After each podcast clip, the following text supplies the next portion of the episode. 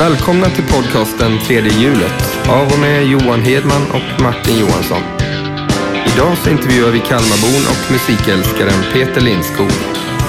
Många känner till honom som skivmässarrangör och skivsamlare, men även som sångare, skådespelare och lärare på Linnéuniversitetet i Kalmar. Vi gör en djupdykning i kärleken till musiken. Trevlig lyssning! Vad lyssnar du på för musik just nu? Måste jag tänka till här. Uh, Lisa Miskovsky.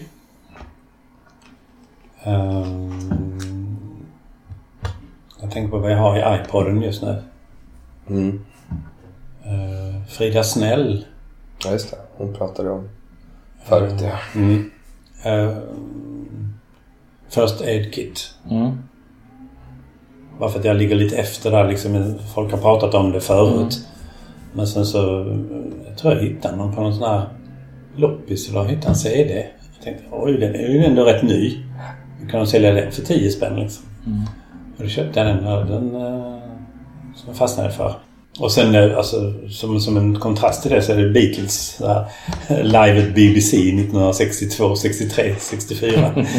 Okej, är det någon ny, nya som har kommit? Ja, eller ny. Säg att den kanske har åtta år på nacken eller någonting. Men, men visst, alltså det, det är ju ur, ur de här gamla arkiven. Där snackar de lite i studion och lite så. Så det hade väl ett litet hopp där i tiden kan man säga. Mm, ja, det kan man säga. ja, så det är det som går. Men det är lite nytt och lite, gamla, lite gammalt också då. Mm. Mm. Samlings-LP. Från med sån här som man kallar för progressiv musik. Alltså sent 60, tidigt 70. Amerikanskt, engelskt. Mm. Har gått på skivtallriken rätt mycket nu också. Mm. En sån där luddig genre för, Ja, verkligen. för, för oss som är lite yngre så att säga. Ja, verkligen. Core of Rock heter det. Det säger ingenting liksom. Man Ja, tänker finns ju... Som, Kända finns ju som heter Fill Your Head With Rock.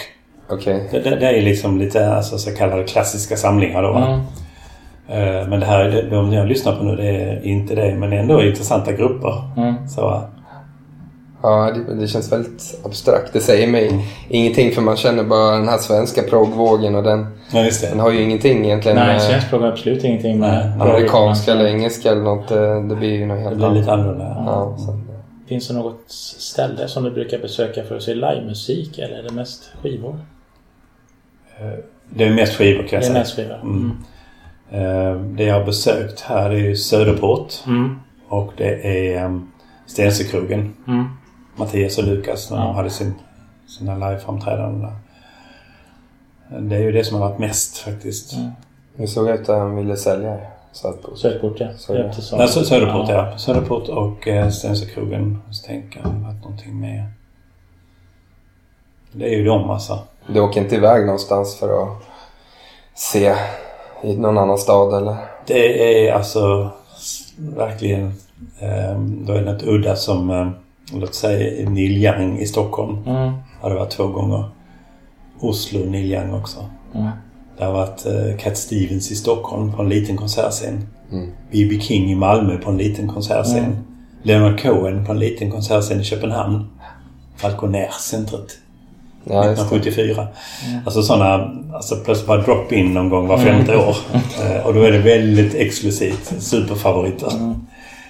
Så jag är verkligen nog ingen konsertmänniska.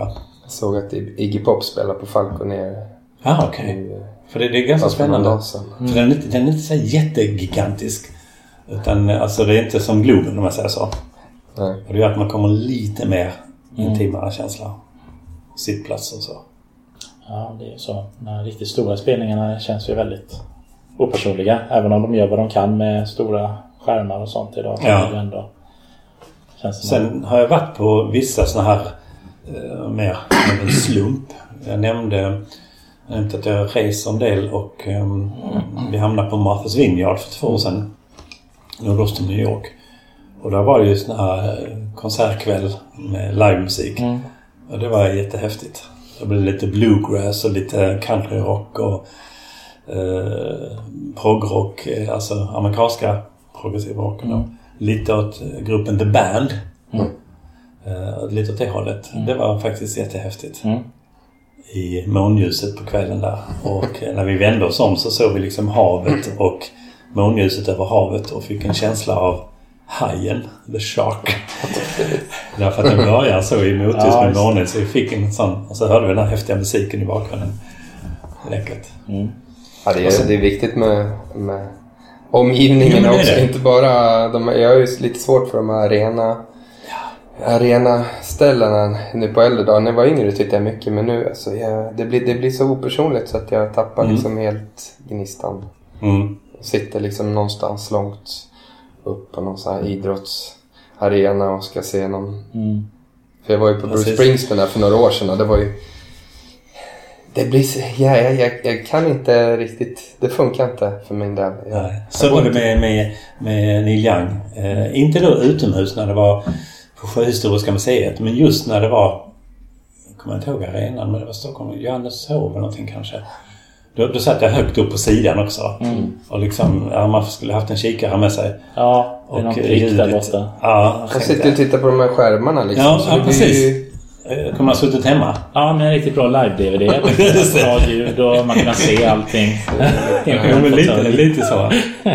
Sen hamnade jag av en slump genom jobbet på Hultsfredsfestivalen. Eftersom jag inte varit på Roskilde eller någon så var det jättehäftigt att få uppleva. Mm. Inte att bo i tält i Lerhögen utan att eh, vi bodde i alla fall i Metropol. Mm. Så det var lite... Det var... Det var ju ändå publikplatser, alltså Ja. du vet eh, så här gradänger som vi sov på. Men eh, det var ju liksom ändå... Och sen så och i tre dagar. Mm. Det var häftigt att gå från scen till scen och tänkte... Ja, det var medan det fanns. Ja, så att säga. Precis. 2000 prick tror jag det var. Mm. Ehm, och eh, det var faktiskt lite spännande. Men då, då kom jag på en annan sak också. Att, eh, då var det ju ehm, alltså den stora scenen, Hawaii-scenen tror jag precis nere vid sjön. Så liksom jag äntligen fått en jättebra plats. Det var ljudet väldigt starkt. Och sen kände jag trycket av publiken. Det var trycker och trycker. Jag kände här kommer jag bli ihjälklämd alltså. Så drog jag mig lite ut åt sidan. Och då fick man liksom bara ena kanalen. om man säger Så man fick liksom ena högtalarparet. Och sen, ja, men det är inte bra heller. Så till slut så drog jag mig åt sidan och så långt, långt, långt, långt bak. Och där var det perfekt ljud. Det var nästan bakom ljudtältet eh, tältet, kan man Ja, precis. Men då kommer jag behövt en kikare igen. Ja. Det. Så jag kände jag hitt- hittade aldrig, den ultimata platsen. Nej, det är svårt. Och folk stage-divade och höll på men det var ingenting för mik. Jag var så eh, Bob Hund spelade. Eh, och folk hoppade upp och ner. Och jag kände alltså... Jag stod också avsides för jag gillar inte det där att man är så nära. Och jag kände hur marken sviktade. Jordbävning. Ja, Dra och jag vet jag hade precis innan läst en artikel om det var någonstans nere, om det var Bulgarien och festivalen någonting där. Där det hade varit sån eh, lerbädd under. Så marken hade liksom gett vika under publiken. Lite gung, gungfly. Så. Ja. Jag var där det året när det var Courtney Love. Och eh, det var en som blev ihjälklämd Ja, just i det. publiken. Det var ett dödsfall. Så det blev lite sorg över hela stämningen. Liksom. Det var samma år då. Om det var 2000 eller 2001 någonting. Och eh, Travis var nya. Ja. Och det var på lilla rookie-scenen eller så. Mm. Någon små... Såg ut som en liten teater. Mm, just det. Ja, vi får se om den... Om nu har de ju börjat igen så det känns som det är lite intresse för Lite mindre börja om igen Ja, på det är början, från där de början. gör fel. Att det blir för... Jätte, jätte, De tappar ju lite det där med bokningen på slutet. Det var, då blev det bara så standardband. De har ju alltid varit kända för att plocka de här innan de har blivit kända. Ja, vilket På är slut- skickligt som Ja, på slutet var det liksom... Det var samma som på alla stadsfestivaler liksom och då, Det blev konkurrensen för stor också. då blir det inte så intressant längre såklart. Men nu Nej. börjar de, jag tror det är bra att de börjar om på nytt på något sätt. Nu Ja. blir det liksom nystart. Andra människor också kanske. Så. Absolut. Men, ja. Nej, så kontentan är att jag är nog ingen egentlig konsertmänniska. Jag åker iväg eh, långt och sen så betalar mycket för biljetterna och sen så hur bra är platserna och, ja, och så vidare. Jag eh, är nog mer diggare av skivor. Eller, eller liksom på, på eh, alltså typ bra DVD som du sa. Ja, det gillar jag. Ja. Är skönt. kan man pausa och göra en kopp kaffe. Musikdokumentärer tycker jag är jättehäftiga. Alltså. Jag älskar det. Summeringar av, eh, olika artisters liv eller bakgrund och sådär va. Så någon, jag såg någon eh, dokumentär, jag om du har sett den? It Might Get Loud heter den. Berätta något mer Det var eh, Jack White, heter han var från The White Stripes. Och så var det The Edge från U2. Mm. Och så var det var det från Led Zeppelin eller vem var det? Var någon äldre rockare. Eh, och träffades med sina gitarrer och pratar om deras förhållanden till instrumentet och Ah. stilen liksom. Det låter Det var intressant. jättekul för de är verkligen helt olika. Från helt olika platser. Jack White som du vet, bygger en gitarr med ja, typ linda lite ståltråd runt en kolv och typ spikar upp den. Så är det helt skitvilket. Sen Edge med alla sina hundratusentals effekter. Och sen han gamla rockaren. Han hade sin Gibson-gur där inne. Det. Mm. Så det, det var häftigt. Den rekommenderar jag. Ja, men det kan jag tänka mig. Mm. Det skulle passa mig. Mm. Jag har någon sån här dubbel-LP som heter Guitar Heroes. Mm. Där de har olika, liksom, där kan man hitta om man vill liksom bara se ett uppslag av Mm. eh, en massa stora gitarrister genom tiderna så finns de med där. Mm. Eh, Jag köpte den bara för dig. Liksom. Guitar Heroes. Uppväxtort. Eh, lite musikaliska prägen liksom i uppväxten. Mm. Jag är född i Malmö. Mm. Uppvuxen i Malmö. Eh, Det var ganska återhållsamt med musik kan man säga. Eh, Pappa, vi hade egentligen ingen spelare från början i familjen. Alltså ingen skivspelare eller så. Det var radio som gällde. Radioteater och lite sån här Francis Durbridge deckare. Det var ju helt fantastiskt. Man satt och lyssnade på radio. Vad är vi för tid? eh, Tidsålder? Eh, 50-talet. 50-talet? mm. Mm. Jag född 1950 prick. Ehm, och pappa liksom hade mycket smal musiksmak. Var lite operett och så. Men mamma däremot var lite bredare. Så, inte att hon hade musik hemma, eller, alltså skivor eller så. Men lyssnade typ Melodikrysset som är ett gammalt program. Och löste. fick man hjälpa till med när det kom popfrågor. Så att det blev en liten plastskivspelare 1963. Med kanske She Loves You med Beatles som första då. Och sen eh, var det, dröjde det inte länge förrän det blev Painted Black med Rolling Stones. Som rullade på skivtallriken. Och sen eh, eh, tyckte jag jag var lite missnöjd med 10 topp som gick på lördag klockan tre. Och eh, kvällstoppet som gick på tisdagar vid sju. Jag gjorde mina egna listor. Och då blev det önskelistor. De ska ligga överst och de här är de bästa låtarna. Och så, och så till och med hade vi, eh, ledde med, jag och min lillebror i en omröstning. Så vi eh, la en skivhög med våra singlar. Och så spelade vi dem och så satte vi poäng. Han satte sina poäng i hemlighet och jag satte mina i hemlighet. Så la vi ihop dem. Den som fick mest poäng ledde då. Och det kunde ju vara en uh, udda Beatles EP-låt som hette Yes It Is. Kunde ligga i ett halvår på listan. Varför stod och envisas med den för var andra låten. Så att, ehm, nej. Det var inte mycket inspiration från föräldrarna så utan det var hitta egna vägar själv. Men det var radion mycket då? Ja, och sen när TVn kom så fick man, vill man ju se det här drop-in till exempel. Men det var det jobbiga var att vi hade ju liksom, det var ju som sagt en kanal på den tiden. Och eh, farsan satt i rummet och hatade den långhåriga skräniga popmusiken. Och bara satt och ondgjorde sig medan vi försökte nj- njuta av programmet. Och det gick ju inte. Ja, Han förstörde samtliga drop-in program för mig. Men det var något som man kanske känner till att drop-in? Ja, då. Ja, precis. Um, Kerstin Adams Ray var väl programledare under ett tag. Så. Hon som ledde Kvällstoppen många år också. Okej. Mm. Eh, känd radioprofil då. Men du tänkte inte att du skulle börja spela själv då, något instrument? Nej, inte alls. Inte då. Eh, inte fram förrän jag var 2021. Det började hända sådana saker. Innan det var det mest bara små drömmar och så. Var det många andra som gjorde det runt omkring? Eh, Kompisar, så. några få. Ja. Men jag vet, jag beundrade de här som bildade egna band. Så att man hängde och räckte att de var två, tre år äldre. Så när det var skoldans och annat sånt där så var det ju poporkestrar både till höger och vänster i Malmö. Så då, då gick man en del på dem. eh, Så att säga hette skoldans. Men det var i princip en rockkonsert. Där man kunde dansa. Mm. Så ska man säga idag. Mm. I en liten fritidsgård kan ni tänka. Inte jättestort men ändå. En scen, en scen och en lokal som tar 200 personer. Mm. var det de här Name Losers de Ja. här ja, Och så var jag. Mm. gamla Och, 60-tals... och så var det flera stycken band i den stilen. Ja, ja. Med lite långt hår och eh, boots och eh, kavajer. Mm. Och så spelar de då standardlåtar från England och USA. Vad, vad är det för kvarter eller stadsdelar i Malmö som du har växt upp i? Jag växte upp i Lorensborg. Det är den stadsdelen med höghus som ligger alldeles intill gamla Malmö stadion. Mm, mm. Eh, Som FF, Malmö FF har spelat på i många, många hundra år höll jag på säga. Och sen så låg ju diskoteken och konserterna. Det var ju Amiralen inne vid Folkets Park. I, lite mer centralt i Malmö. Föreningsgatan. Just. Och så fanns det lite olika diskotek och eh, klubbar. Och, eh, bland annat en, en i tre våningar inne vid, ungefär vid NK. Mitt, eh, ja, precis bredvid Gustav Adolfs torg. Där det var jazz på en våning. Och så disco på en våning och dansband på en våning. Så det var verkligen dansens hus. Mm. Det var häftigt. Nej, för det var sent. Senare delen av 60-talet så började man gå på disco. Ja, precis. Diskotek. Det hette så då ja. DJ, ingen livemusik. Tyckte du om det då? Eh, ja, det tycker jag. Visst.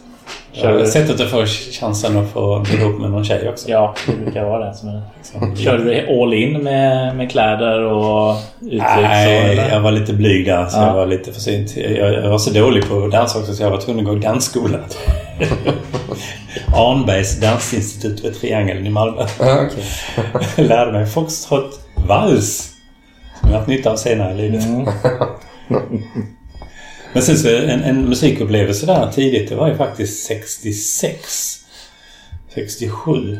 Då kom den då jättekända gruppen Trogs till Malmö, alltså Lorensborgs fritidsgård. Tänk en sån liten fritidsgård, tar för 200 personer. Och spelade sin första hit Wild Thing. Eh, eh, vad heter det? With a girl like you, andra hiten och tredje I can't control myself. De tre hade de haft hits med på 10 topp. Och låg högt på kvällstoppen med.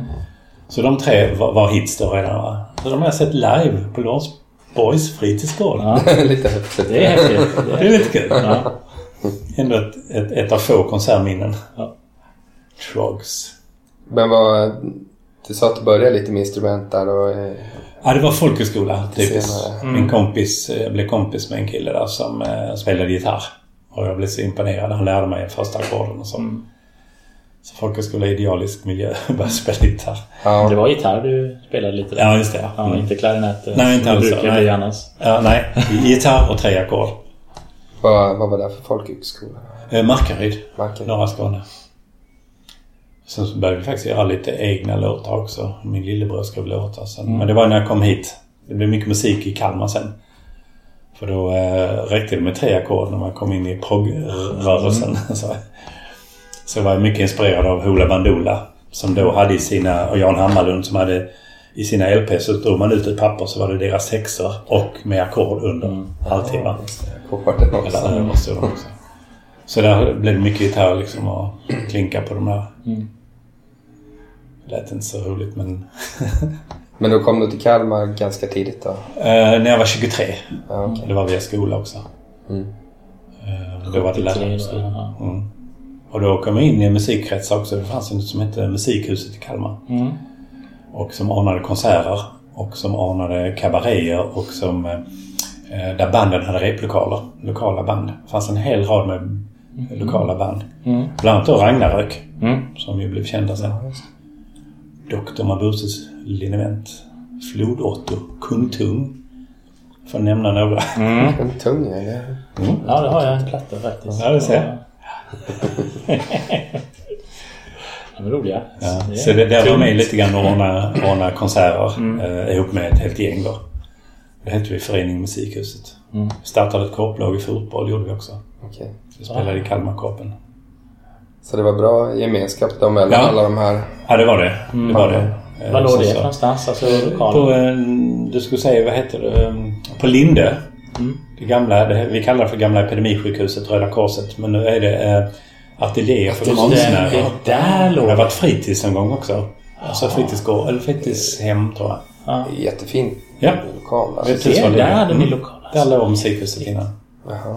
Sen heter det musikhuset. De flyttade ut till flyget ett tag. Ja. Mm. Och nu vet jag inte hur det ser ut idag.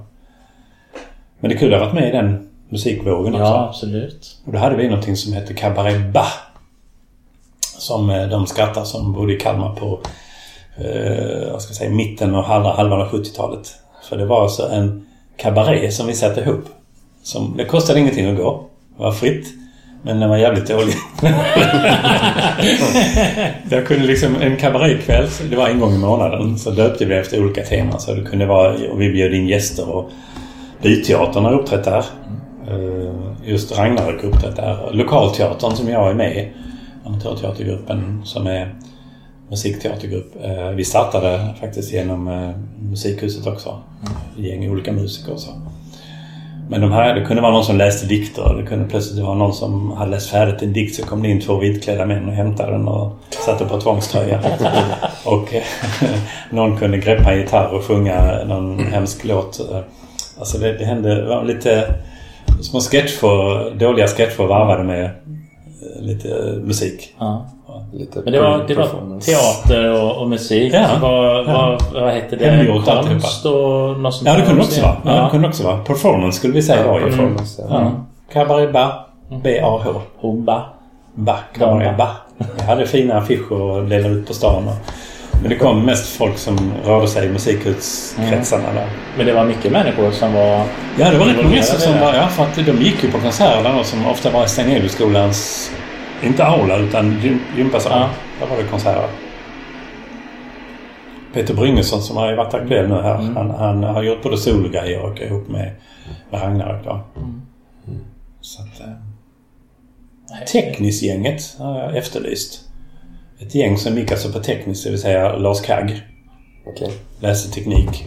För de var lös sammansättning med en massa musiker. Det lät fruktansvärt intressant. Inte välljudande men de hade underbara texter. En låt heter Moby Dick. Eh, och de, det, det kunde vara banjo, det kunde vara gitarr, det kunde vara trummor eh, och eh, sång. Ofta lite skränig och lite osynkad. Även instrumenten kunde vara lite osynkade. Men det var någon sorts stämning över teknisgänget. Mm. De existerade under något år eller ett par år. Och så glömde jag då. Mm.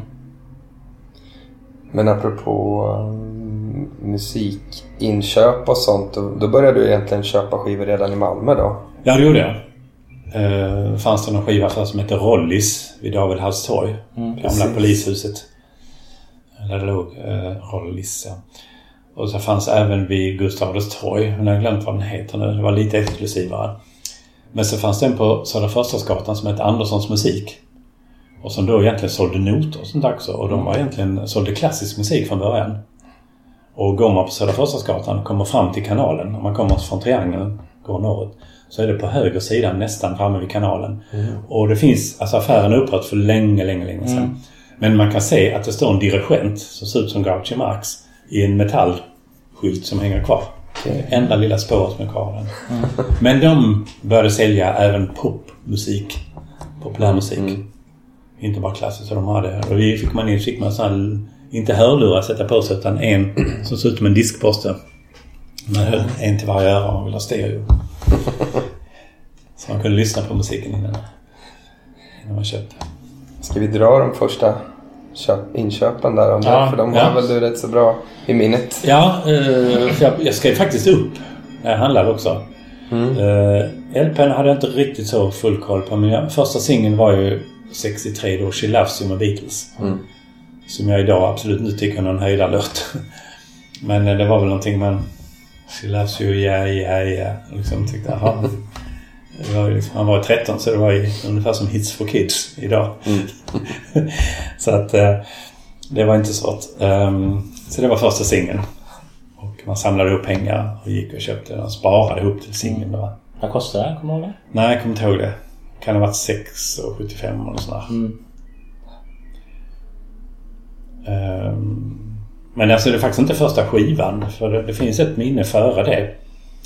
Det var när pappa till slut faktiskt köpte in en sån här stor möbel. Eh, med skivspelare och radio i ett. Mm. Typ heter Schaub Lorenz, något sånt, heter något tyst märke. Man kunde vika upp locket. Det var lika stor som en, eh, ja, som en byrå, en liten byrå kan man säga. Och eh, ganska bra ljud. Och eh, så var det skivväxlare för 10 singlar EP. Som eh, man kunde ladda den med. Som växlade den där enligt ett me- mekaniskt system. då. Man kunde spela bara vanlig LP också. Och så. så då fick vi varsin skiva och då ville jag ha Piccolissima Serenata. Casamata Orkester och den har jag kvar. Mm. Pico Piccolissima Serenata. Så gick den. Så den tyckte jag var så melodisk. Den ville jag ha. Så den fick jag. Men jag antar att det var ganska mycket singel. Man köpte singlar Ja. då. eh, Ja, Så det var ett tag som du bara köpte singlar man ja så. kan man säga. Innan du började köpa någon LP, en riktig. Ja. Mm. Den första LPn det var eh, Rubber Soul. Det var inte så tokigt heller. Den fick jag av min syster som hade varit i England samma år som den kom ut. Så det var... mm, Men det var kanske ett par år senare som jag började skriva upp vad jag köpt också. Så jag har fått rekonstruera det tillbaka till tiden. Så nu har jag full koll på varenda skiva jag köper. Det är ganska ovanligt. Ja, det kanske det är. Vad skriver du ner för någonting då? Eh, namn på skivan, dag, Eh, år du köper den. Jag ska säga namn på, alltså artist, eh, vad skivan heter. Och står det ingenting, eh, alltså samma som, som namnet på Mm. artisten så är det bara streck och sen så eh, datum och vad jag köpte den för. Mm. Det är de enda fakta som finns med. Nu på senare tid står det kanske också utgivningsår på skivan. Mm. Att den är från 68 men den kom ut 72 för det är en Mm. återutgivning. Så kan det stå också. Men lite kul. Jag är lite såhär diskofil. Vad det heter. Håller reda på anteckningar. Ja, så jag precis. tycker det är kul. Är du audiofil också? Ja, absolut. Ljudet är viktigt. ja, absolut. Jag såg inte, han har inte tittat där, men vad är det för ljudanläggning du har? För antar att det är den där inne som du lyssnar mest Ja, på? den lyssnar mest på. Ja. Det är eh, en gammal Akai skivspelare Mm. från mitten av 70-talet. En Kenwood-förstärkare. Typ 2 gånger 60 watt någonting. Mm. Ingen jätteanläggning. Och sen ett par lättdrivna stora högtalare som med okänt namn. Mm, okej. Och sen har jag då haft två skvallrar på det. Alltså som liksom jag haft i kombination med dem. Och de skvallrarna är faktiskt lyft, lyft in. Så de har jag som ordinarie högtalare i en liten anläggning inne i lilla rummet. Mm. Och där sitter jag ibland och, och lyssnar.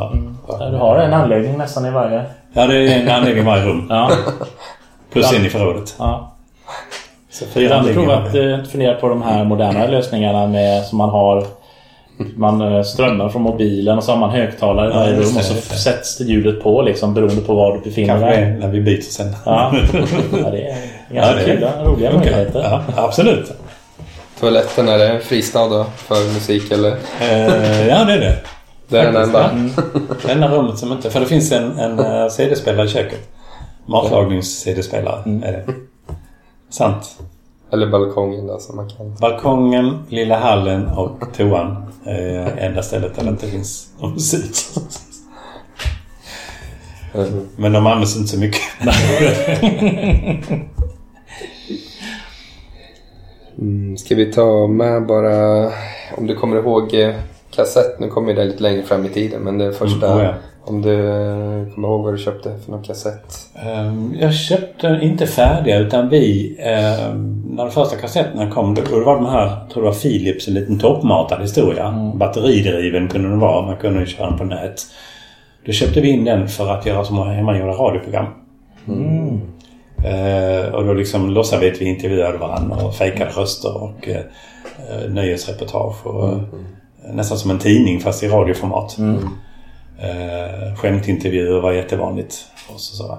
Som en podcast. Eh, Ja, kan man säga. kan man säga. 19, tänk 1966 ändå. Ja. var vi 16 år. Vi grabbar höll på då. Och sen så naturligtvis så kom vi på också förutom det så men det blev så dåligt ljud. Det var ju enkla mickar. Så spelade vi in kanske spelade av skivor av varann. Men på de som var lite mer avancerade av de här toppmatade så fanns det linkontakt som det hette på sidan. Och då kunde man koppla den direkt blev line-ingång från förstärkaren till. Och då kunde man spela in och det fick ganska bra inspelningar. Så nu har jag, har jag 1400 kassettband Oj, kvar. jäklar. Så jag var tvungen att renovera kassettdäcket för att kunna köra dem igen. För det finns underbara, ni vet, ni har ju talat om bland-CD kanske. Ja, Blandband Mm. har ni talat om. Jo. absolut. Blandband har jag många, många fina. Och då fick man, det var så roligt för att det var, för det första så satte man ihop de bästa gitarrsolon och bästa låtarna genom tiderna. Så man slapp liksom att hoppas så det var inspelat och färdigt klart. Man kunde ge bort till en kompis, någon som fyllde år. Den perfekta presenten. Ett blandband fyllt med kärlek. Eller till tjejen som var intresserad av. Exakt. Och så slut blev det många tjejer. Då fick man hålla, skriva upp här liksom. Hon har fått den, hon har fått den. Och han har fått den. Sådär. Mm. Nej, men det, var ju, det var ju stort in på 80-talet Ja, med jag gjorde också så- det. Jag satt också och spelade från radion och här grejer. Så vi höll ju också på med sånt såklart. Och ställde någon en fråga till mig. Så till exempel det var någon som gjorde nu här. Men det blev inspelningen för dålig så jag fick göra om den då på CD. Men det var, vi pratade om engelsmannen Al Stewart som har gjort en del fantastiska saker. Alltså man lyssnat in honom. Och då tänkte jag, åh! Han önskade alltså det, det som jag tyckte var bäst av Al Stewart. Så då gjorde jag bland band. Eh, Fast att det var på nutid. Jag var själv jättenöjd med valet av låtar. Men sen blev det för dålig kvalitet när han skulle spela upp det sen. Va? Så jag gjorde om alltihopa i stort sett fast på CD. Då blev han jättenöjd. Jag vet- Jag gav bort någon eh, baksides eller B-sideslåtar och osläppta låtar men Nirvana var ju då i ropet. Och det var som en, en gåva också, du vet de här som man inte får tag på för jag var lite Precis. nördig och letade efter sådana Udda inspelningar. Sen kunde man ju sätta ihop dem till ett band så då Perfekt. fick man ju de här så det blev som en ny skiva liksom. med Nirvana. Ja, det blir det verkligen. det var- Om det är särskilt om det B-sidor på singlar Ja, som ja. inte fanns på LP'na då va? I början var det ju lite svårare, sen blev det ju mer lättillgängligt. Ja. Men du kommer inte ihåg att du köpte en, alltså en, en skiv, alltså ett släpp Ja. på, på Nej. band så att säga. Du har inte samlat så någonting? nej, utan det är som genom loppisinköp eller uh, storinköp där det har följt med några kassettband och plötsligt upptäckte jag bland dem, va? Pink Floyd? Nej! Vad var det? Dark Side of the Moon på kassett? Kan det Ja. vara någonting? Ja. Beatles? Men så visade det att just de är ju eftertraktade Mm. även på kassett. Så att för samlare så var det lite roligt. Men så var det mycket annat som inte var så roligt om man säger så. Ja, det fanns ju en period där man köpte den för att ha i bilen liksom. Ja, precis. Då kanske det var Japp, huvudsyftet Så var det. egentligen. så var det. Eller ute på stranden eller om man hade Ja. någon... Bergspringare. någon ja, precis. Men sen har jag eh, musikminne också. Det är nästa fas sen. Det är ju framme vid CDn. Mm, mm. Alltså när den kom så skaffade jag inte CD-spelare. För jag hade ju skivorna här. Jag skulle ha Mm. samma.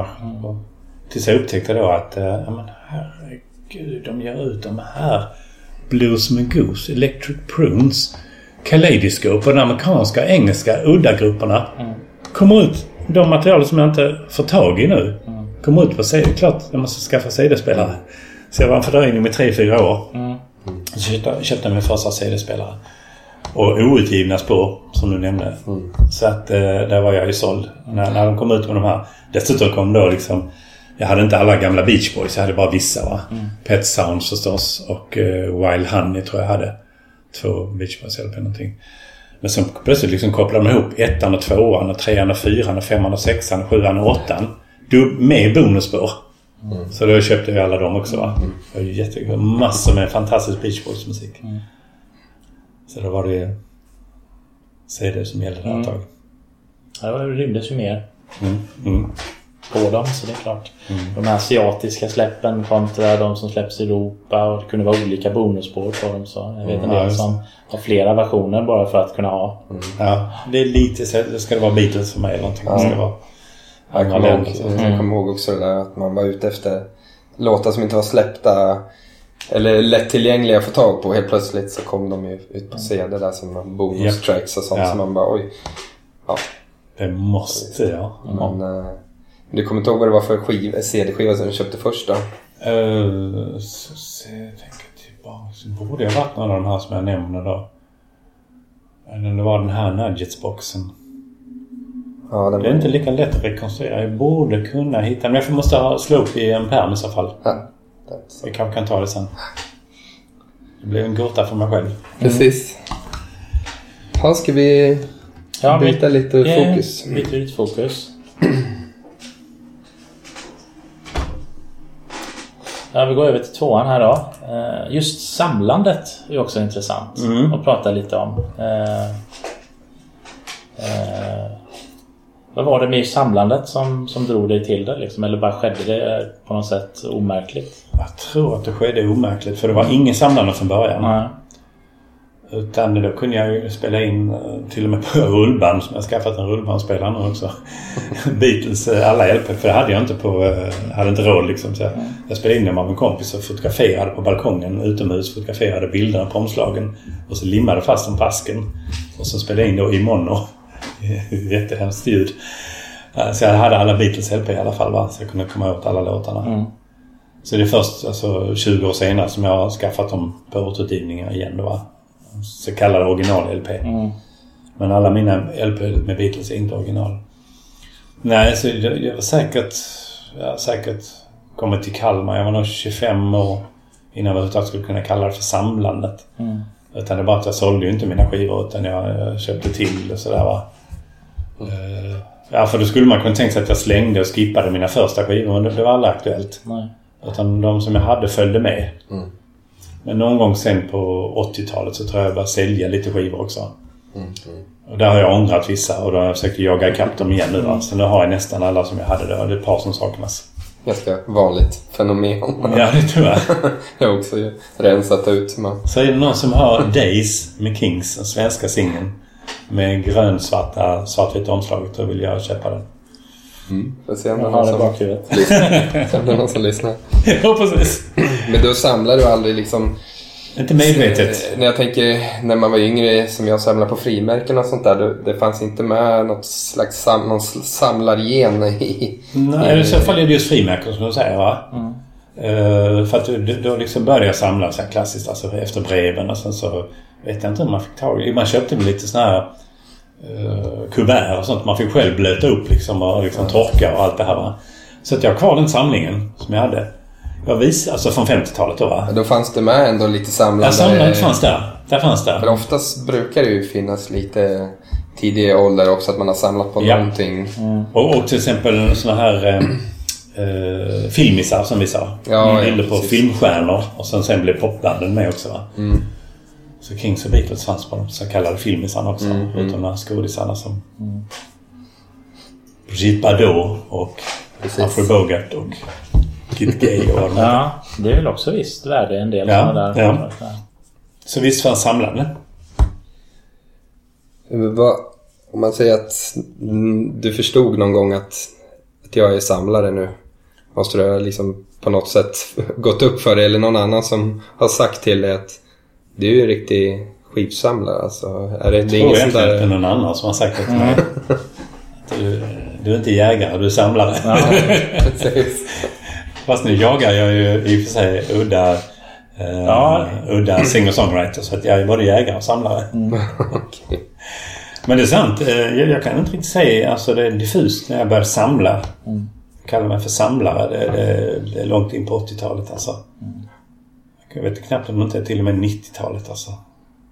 Men då måste du ha haft bra många... Då hade jag många skivor ändå. Jag, redan innan jag började samla. Ja. Men satte den skivmässan igång? Eller den? Eh, Då är vi framme... Eh, vad sa vi? Någon gång mitten av 90-talet. Ja. För där är det ju absolut bevisligen så. ja, för då måste man ändå uppnått en viss... Ja. Men är det... Är det, det är ingen... Man tänker... Ingen händer. Kicken eller glädjen alltså, av att samla.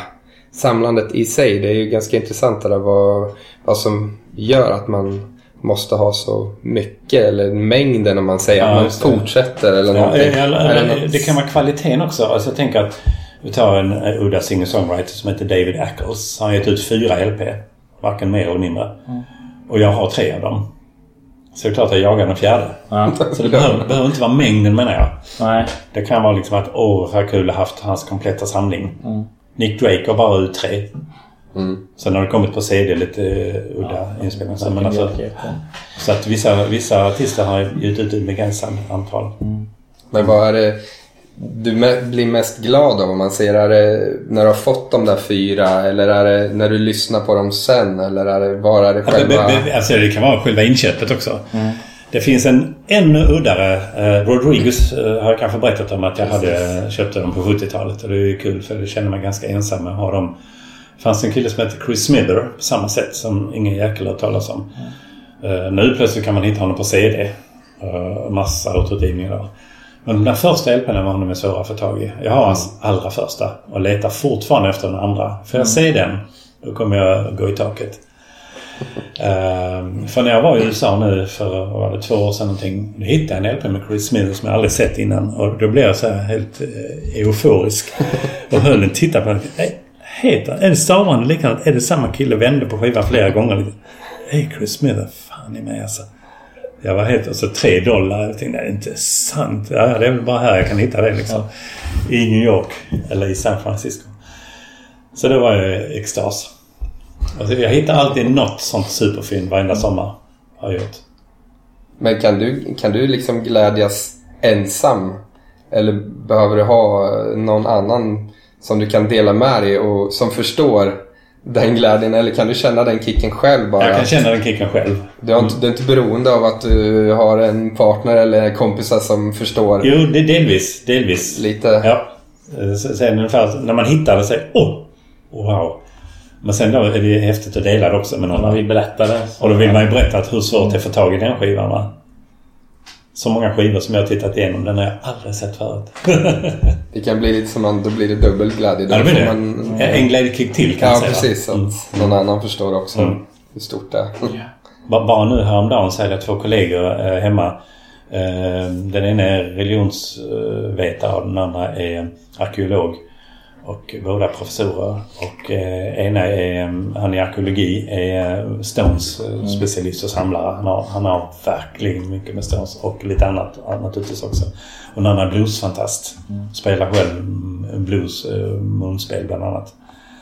Eh, jättehäftiga killar. De var uppe här och eh, kikade på min samling. Och då blir det också så att de drar fram sina två Rodriguez LP som bara finns de två. Och liksom, det är ju lite heligt att titta på dem då liksom, och vika ut och så här. Så där tog jag fram vissa. För så här, vad, vilka är dina rariteter här? Ja, det är ju Yardbirds bland annat. Den som kallas för storbasen. En som gavs ut bara i Sverige. Därför är den eftertraktad då. Och slår man så hittar man där för mellan 1000 och 2000 kronor någonting. Bara på en liten LP-usling. Men då ska den vara i hyggligt skick så. Jag tänkte också det här just med, med samlandet på det sättet. Du har ju haft, varit väldigt många skivmässor. Hur många... Jag undrar, är det en manligt, är det ett manligt fenomen? Eller har du träffat många kvinnor som har varit, som har haft det här samlarsuget också? Mm, det, det är en jättebra fråga. Ja. För det, det har varit alltså, det känns som ett manligt fenomen i Ja. grunden. Absolut. Och, alltså även då på, på 60-talet och så tänker jag liksom grabbarna höll på att vända skivor och titta på skivorna bak sen läsa vem som var musiker och så. va. Sällan man såg tjejer göra det. Och det har jag liksom grundade man inte på då. Nu kan man verkligen fundera på det. Va? Och nu är det ju så att det fortfarande är så mansdominerat så att jag blir jätteglad när, det, när jag märker på skivmässan att kanske en, i alla fall en femtedel kvinnor. Då tänker jag att mm, vi är på väg någonstans i alla fall. Det händer saker och ting. Va? Så att eh, jag, jag ser en förändring men det, det är lite långsamt. Det är precis som att det, det är lite olika intressen för det här med vad som finns på skivorna och så man läser på skivor och så. Men jag tycker det, det rör sig så att det blir... Mm, Det har skett en det har skett en förändring va? Det går långsamt. Man ser, man ser ju dig då på när Sonic Magazine släppte sin senaste, senaste tidning. Då var det ju om skivsamlande och där var det ju med ganska mycket tjejer och en på framsidan bland annat också som är samlare där. Så att, eh, Mm. Nu kanske de valde att lyfta fram det lite mer också men jag tror att det är ganska stort ändå. Ja. Men man kan ju fråga sig varför varför det har varit så cementerat tidigare. Ja, verkligen. Eller är det bara så att de... Att man har olika intressen. Alltså just det där att eh, det, det är inte så viktigt vilka. eller Det är bara att låten är bra. Eh, Alltså att man så, man behöver inte känna igen vilken det är. Jag vill gärna kolla. Om det- jag en jättebra låt på radio. Så måste jag veta vem som har gjort den. Va? Det är liksom, jag måste veta det. Ja, men det kan jag också känna. Men det är just... Det, det är mer om... Alltså man är mer intresserad av all information som går att suga ur det liksom. Mm. Istället för att kanske bara tycka att det är en, en bra, bra stycke musik som går att dansa till. Eller, Mm. ja. Mm. Vet, ja, jag vet inte om det, om det kan vara någon genetisk eh, grej det där att eh, kvinnliga könet inte har samma behov av att samla eller om det, det ja, man kan ju Ja. snurra Nej, men- runt med det där hur Ja. som helst igen. Mm. där. Jo, men det, det stämmer tycker jag inte riktigt när det gäller författare och sådär. va? För min tjej då, hon liksom samlar ju på eh, vissa författare då va. Som Isabella Allende och så här. Hon är glad när hon får tag i alla böckerna med henne. Så, så att det kan ju vara till olika objekt va. Ja, ja. Mm.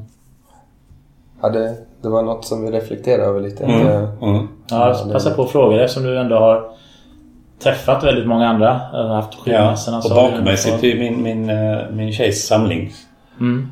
Hon, hon har ju inspirerat mig med U2 och eh, Springsteen till exempel.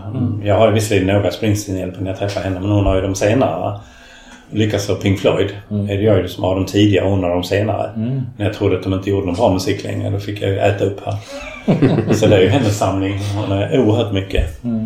Och singer-songwriter har hon ju också. Typ Sofie Selmani och Mm. så här. Såg du henne på Stenstaplet? Nej. Jag gjorde det. Åh, Jag fick till och med prata med henne. åh gud. Häftigt alltså. Det hade... Det, jag alltså, det, det var vilken upplevelse. Och det bandet hon har med sig. Den dynamiken de skapar och den känslan. Jag har aldrig varit med om något liknande. Det är en konsert som vi ångrar att vi missade. Ja. För hon hon hade gått i taket min tjej som vi träffar nu. Ska vi smyga in lite på Kalmar, eh, Kalmarställen och sånt? Du som har varit med länge. Vi har inte koll på de här gamla spelställen. måste ju ha funnits ganska många som inte finns längre där man såg band. ja, när det fortfarande var intressant med musik känns det som. Eh, Jag kom ju in, alltså 60-talet berättade vi alla om. Jag kom hit 73. Men på 60-talet var det ju Folkets Park. Mm. Det var tydligen en stor arena. För där är liksom Kings, uh, Them, uh, vet inte om hur stora grupper men många av de engelska banden kom i alla fall. Mm. Eh, när de kom till Kalmar så kom de till Folkets Park.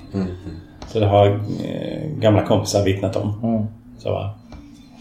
Ehm, så att... eh, eh, men däremot har jag inte hört om så många olika arenor faktiskt. Och, och de nämner alltid Folkets Park. Mm. Men du har inte gått på liksom ställen som du kan minnas som det här gamla stället. eh, Synd att det inte, fanns, att det Jo. inte finns kvar. Det är eh, Folkets hus. Mm. Alltså det som är Pallas. Som nu inte är någonting alls. Eller blev boende nu ja. Mm. Okej, det var ett... Ja, så det är bara här om hörnet ja. Kan man säga. In på Där har du sett massa band. Vad det har jag gjort. Ja. Uh, roliga var att det var där jag köpte Rodriguez LPn också. För det var en sån här kringresande som åkte runt tre dagar i Kalmar, sen tre dagar i Nybro och tre dagar i Västervik. Och sålde eh, alltså cut-out-skivor. Fick man inte ta fullt pris för. För de har köpt in ett gigantiskt lager från USA. Som, som fick bara kosta 15,75 men det var så här maxat liksom. ja, vad var det där cut-out? Ja, det Ja, det, det var att han- de, de, de hade köpt upp i sådana upplagor så de var tvungna att eh, eh, sälja dem till underpris. Eh, De fick, fick liksom inte ta ut fullpris för dem. Och för att markera då vilka är cut-out och vilka är annat så skar man av ett litet hörn. Ja, precis. Eh, Eller borrade ett hål i. Men ibland kom hålet lite fel så det kom igenom skivan. Och då var det, fick man ju kolla noga där. Men det kunde vara mitt i skivan och det kunde vara uppe i ett hörn. Eh, antingen ett hörn borta eller ett drillhål eller ett hack. Så som någon har sågat liksom. Ja, det har jag Ja, sett. det har jag har alla typerna här så jag Det kan här visa sen. konduktörsklippet har Ja. jag känner igen Ja. liksom också. Att man... Alla, alla tre varianterna finns. Och när man ska sälja en skiva så ska man då skriva CO. Det betyder cut out. Eh, För att visa att det är, det, det är en sån som har blivit eh, klippt. Va? Men numera så är det en udda skiva så liksom är den, det värdet har börjat komma ikapp. Men vad var egentligen meningen då med att klippa sönder liksom? Nej, nej men det det är ju att de, de skulle, skulle inte kunna luras och sälja till fullpris. För de hade inte köpt den till fullpris Nej. så då ska inte de kunna Precis. sälja Och de, vidare. detta gjorde de i själva tryckningsprocessen eller när Nej, alltså när, när, de, eh, när de köpte upp det här lagret. Ja. Så sågade de, satte de väl ihop massa LP, sågade rätt igenom alltså, en massa gavlar, höll att säga. Eh, Eller stansade, sköt någonting igenom massa skivor på en gång eller så va. Och det kunde vara flera dubbletter av samma platta. Så det var kanske tio av varje sort som dök upp igen när man bläddrade i backarna. Vet du när det där försvann då? Nej, alltså cutoutsen är ju... Jag skulle säga 80-talet. Någon gång på 80-talet kanske. Japp. Mm, ja, det är intressant. Då vet man det nu. Mm. Men du fortsatte inte att spela mer i band då? Jag tänkte. Nej, jag har fått mitt lystmäte med den här gruppen Lokalteatern. Därför att eh, för det första är det så bra musiker som vi har anlitat och några är med i gruppen. Och eh, då har jag fått ägna mig åt sång istället. Och det har varit eh, lite lättare. Eh, så att jag är amatörsångare och amatörskådespelare. Okej. Mm. Så det, jag behöver inte klinka själv. Men är du med i någon konstellation nu då? Som... Ja, det, det, det är lokalteatern. Ja. Ja. Så att eh, vi har lite produktioner då och då. Mm, mm. Jag såg ni hade någon progg... eh, Ja, föreställning. prog- prog- Proggfrossan är väl den som är den kändaste vi har gjort. Det är bara, just som jag nämnt, Hoola Bandoola, Peps Persson. Risken finns från Skåne. Mm. Du känner väl mig? Ja, du lånar mig spänn till bussen. Du känner väl mig? Och eh, filmen Arthur the Dung. Tänk vad naturen är underbar. Tänk vad naturen är fin. Tänk vad naturen är underbar. Tänk vad naturen är fin. Sjöng de. In kommer Gösta. Och in kommer Gösta. Ja. Och när jag var i Lomma då tänkte jag på dig. Köpte jag denna blomma och denna ju till dig. Såg att de har gjort ett nysläpp nu, Träd, gräs och stenar i, i år. Fått eh, Ah. recensioner på de här stora, Pitchfork till exempel. Och, Oj! som tycker det är jättespännande med den här gamla svenska. Fått lite revival tror jag. Kebnekaise, Älgarnas trädgård. Kebnekaise såg man ju här i Kalmar bara för två somrar sedan. Ja just det, de har varit några- Mm. ett par gånger. Missade dem, jag tänkte jag skulle se. Ja. Mm. Skivmässorna har vi pratat lite om. Ja, men hur, vad var upptakten till det här? Var det du som var med där och kände att du ville... Eller var ni Ja, flera? vi, var, eller? vi var tre stycken. Eh, Thomas Johansson och en annan Peter, Peter Åkesson och jag. Vi ehm, eh, åkte väl iväg på bland annat till Linköping. På en mässa där och tänkte oj, undrar om man skulle kunna göra det här i Kalmar. Så provade vi, ska vi se, det jag inte riktigt vet exakt, men någonstans mellan 92 och 95 någonting. Mm. Eh, ja, första halvan 90-talet i alla fall så provade vi. Så vi, ja men vi testar. Och så blev det ganska bra. Vi fick väl 130 besökare tyckte vi var mycket då. Så vi körde en gång till och då fick vi 150 besökare. Då körde vi bara efter ett halvår. Ska vi prova två gånger om året? Nej, det går nog inte. Ja, men vi provar. Till slut var vi uppe i 500 besökare vid varje tillfälle. Och nu är vi glada när vi får upp 200-250. Så är vi jättenöjda. Men har ni märkt att det börjar att öka nu? Jag tänker med vinylintresset. Ja, alltså jag skulle säga att det går i vågor, verkligen. Lite upp och lite ner, lite upp, lite ner, lite upp. Va? Vi tänkte att det är på väg ut och CDn skulle den vara på väg ut. och så, Men det finns hela tiden en marknad. Mm. Och eh, det byts. Ibland så är det inavel det är samma skivor som snurrar runt. Mm. Och, eh, men det går att fynda fortfarande på, på eh, skivmässorna. Alltså, absolut. Mm. Mm. Så nu åker inte jag så mycket på andra mässor utan äg- ägnar mig åt dem vi har. Ja, men det kommer bli fortsättning. Det är inga Ja. planer på att lägga ner det? Nej, för vi är arrangörer så att vi vill att det ska bli bra både för besökarna självklart men även för de som säljer. Mm. Då märker vi att de inte säljer alls ja, då blir det fler, två led där som blir eh, lidande som inte tycker det är kul längre och då kommer det naturligt att dö ut eller att vi kanske bara kör en gång om året. Så. Men ingen sån tendens än. Nej. Jag såg någon statistik som släpptes nyligen från, jag tror det var Warner, eh, de större skivbolagen. Att året som har varit nu så är det det året det har gått över när de tjänar mer på strömmad musik än på både digitala köp och eh, fysiska skivor. Intressant. Ja, så nu har det gått om så det är, det är strömning som, som de säljer mest. Ja. Men det. samtidigt, samtidigt visar de ju de här vinylundersökningarna också att det ökar ju enormt. Men vinylförsäljningen har ju, har ju inte varit så hög på Nej, bra så länge. länge Så ser hur eh, den ställer sig i förhållande till CD-försäljningen. Och jag har ju ehm, också inom mina resor tänker jag ofta som USA och eh, England ligger lite före. Så, va? Det är så här, någon som jag känner som har varit i England och så är det precis samma sak som jag har varit med om i USA. Att eh, eh, Går man in i en skivaffär så är det hälften CD, hälften vinyl. Och bläddrar man bland vinylen så är hälften nytryck. Mm. Mm. Då måste du skaffa skivspelare igen. Mm. Vad ska, vad ska de spela på?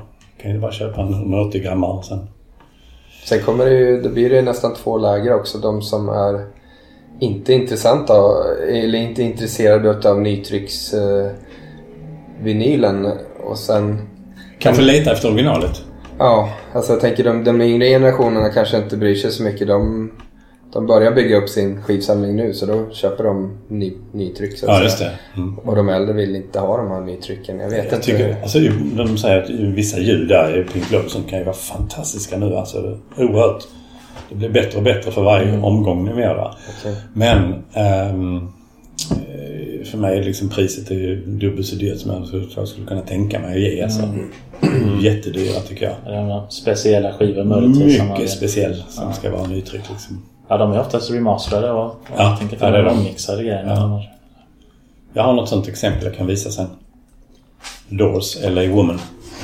Den Ska vi, ska vi ta lite om skivbutiker då, apropå det? Uh, skivbutiker i Kalmar till exempel. Ja. Tidigare. De är lätträknade. Alltså tidigare, ja. Ja. Ehm, då eh, var det ju... ehm, alltså, det fanns ju... Åhléns naturligtvis har funnits. Mm. Ehm, Domus hade ju en skivbar. Mm. Det hade flera stycken har berättat nu i Kalmarbor som har... Där de har eh, stått där och sålt skivor då. Det finns en massa roliga historier om det. Där skulle ni få tag i Peter Bryngesson. Han har lite roliga historier att berätta faktiskt om det. Så att får ni tag i honom så skulle det vara jättespännande. Absolut. att prata med honom. Eh, och sen då eh, så hade vi då... Eh, eh, ja, nu har vi antikvariatet vid Kulsens. Mm. Hörna där inne på, i centrum. Eh, Micke som har antikvariat, alltså böcker då va? Men eh, i ett hörn så har han eh, skivor. Och det är spännande. Och det är än idag så att säga. Då. Eh, och sen är det skivlagret som hade då där Fiesta ligger nu, konditoriet i hörnet. Det hade ju skivlagret i många, många år. Mm. Och de hade ju lite nytryck på LP men de hade eh, nytryck på LP och sen hade de eh, CD. CD var deras grej egentligen. Det är det som fanns i Växjö också. Men då fanns det egentligen ingen renodlad... eh, Jo men du pratade ju om det. Takt och ton alltså. Takt och ton ja. Ja just det. Mm. Men var inte det en del av Åhléns eller? Nej, det var inte det. Fristående. Jag jobbade där ett år så Var, var, låg det då? Det låg ju dels så hade de ju senare så öppnade de ner på Baronen en liten butik där de mest sålde hitlistorna och sen så hade de ju uppe på vad heter det, Västra Sjögatan. Okej. Tror jag det var. Så det låg lite avsides så. Ja. Mm. I samma Sen- gata som Rylanders va? Mm. Fast då längre ner. Det är det, jag tror det var nästa. Eller var det Ja, nästa? nästa så Ja. kanske. För att jag, jag tänkte på... Det var ju en kille som hette Dennis tror jag, som hade skivor i källaren. Mm, det var där tattoo. nere. Ja, just det. Ja, Där det är tatueringsverkstad. Alltså det är också Västra Sjögatan fast nästan framme vid parkeringen. Sista affären på höger Mm. sida. Där de bygger nu. Som galningar i kvarteret Gisellen. Mm. Mittemot där. Där var det också. Mm. Ja, det var inte så länge han låg där. Nej, inte jättelänge nej. Två, tre år eller någonting Ja. sån här. Och så förr i tiden så hade ju Tommy Granlund hade ju Grizzly Records. Som Okej. låg på Larmgatan. Och sen flyttade han till Södra vägen med den. Mm. Så det var, men då pratar vi andra halvan av 70 tidigt, första halvan av 80-talet någonting. Mm. Ja, då fanns det en... Ja, det var Ja. renodlad eh, Renodlad eh, skivbutik. skivaffär. Ja. Precis. Men det är inte många i övrigt alltså man kan... Nej. Jo, det finns en till också. Kenneth eh, hade ju på eh, Tullslätten. Där det nu är en eh, vietnamesiska som syr kläder, skräddar, det. Det är skrädderiet. sant, det kommer jag ihåg. Så mi- mittemot Tull- Tullsko- Tullboskolan. Mycket nära rondellen Norra vägen, Södra vägen. Där Ja, hade ju Kenneth... Ja, det var rätt ja, pyttelitet rum va. Men där hade han ändå ett eh, 30-tal backar eller någonting va? 20-tal backar. Och det hade han i många år. Så då är det kanske andra halvan av 80-talet, hela 90-talet och halva 2000-talet va? I alla fall 15 år var det nu Ja, då har jag varit, varit och sålt många skivor. Ja, jag har både köpt och sålt där. fika och så. Precis. Jag har både köpt och sålt. Mm. Det är kul med dem där man kan både sälja och Ja. köpa faktiskt. Ja, men det är det. Och sen höll han ju på att starta här. Det gick inte så länge heller. Det var ett halvår knappt. Eh, Gert Svensson nere på Södra Långgatan 22. Mm. Han försökte ju få igång det där i november, december. Så jag hade lite skivor där till salu faktiskt. Jag hörde någonting om det där men sen Ja. blev det ingenting. Nej, han hade, hans huvudgrej var ju förstärkare, högtalare, Okej. skivspelare. Man renoverade och gjorde i ordning. Jättebra priser. Men sen så fick han ett annat uppdrag och då så tog han med sig sina grejer. Han sålde väl en del och sen tog han med sig. Då köpte jag ut de sista skivorna från honom. Då. Vad synd att det inte blev någonting utav det där. Ja, Mm. Han hade nästan kunnat tänkt mig säga om mig som partner. Mm. Att jag skulle stå för skivdelen och han för förstärkare och högtalardelen. Mm. Det var- Det har varit intressant. Det hade varit jättekul ju. Mm. Mm, nu hoppas vi på dig då. Det är sista, Just det. det kanske finns fler som är sugna. Ja, kanske. Vi kan, göra- det kan göra en shout-out här om det är någon som, Ja. som är sugen på att göra samarbete. Men det kan vara andra, andra saker som um, behöver inte vara renodlat musik utan det kan ju vara Nej, en kombination vara- av Ja, Det är någonting. svårt eh, att ha renodlat tror jag. Ja.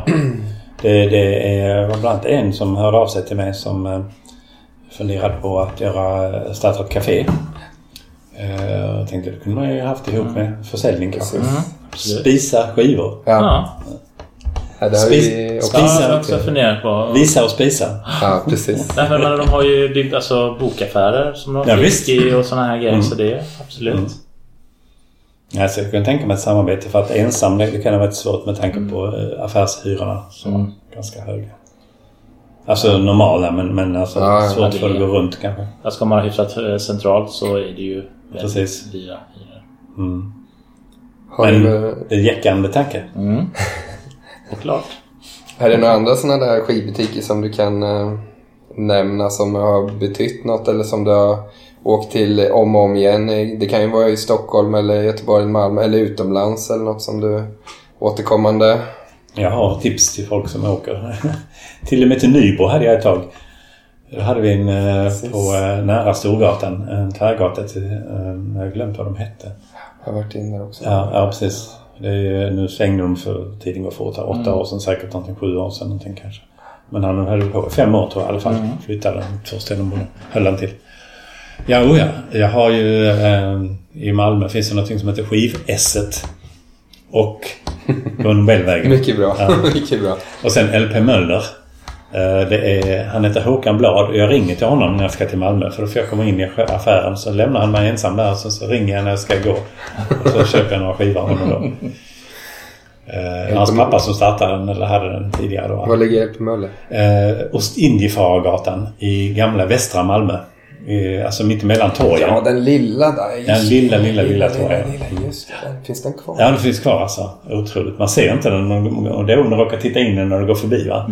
Inga flaggor, ingenting sånt. Så Är den är någon- stängd för det mesta. Men man kan Ja. ringa så öppnar han. Varit in där någon gång. Just det. Men det är någon som fortfarande... är- Alltså den ursprungliga ägaren driver...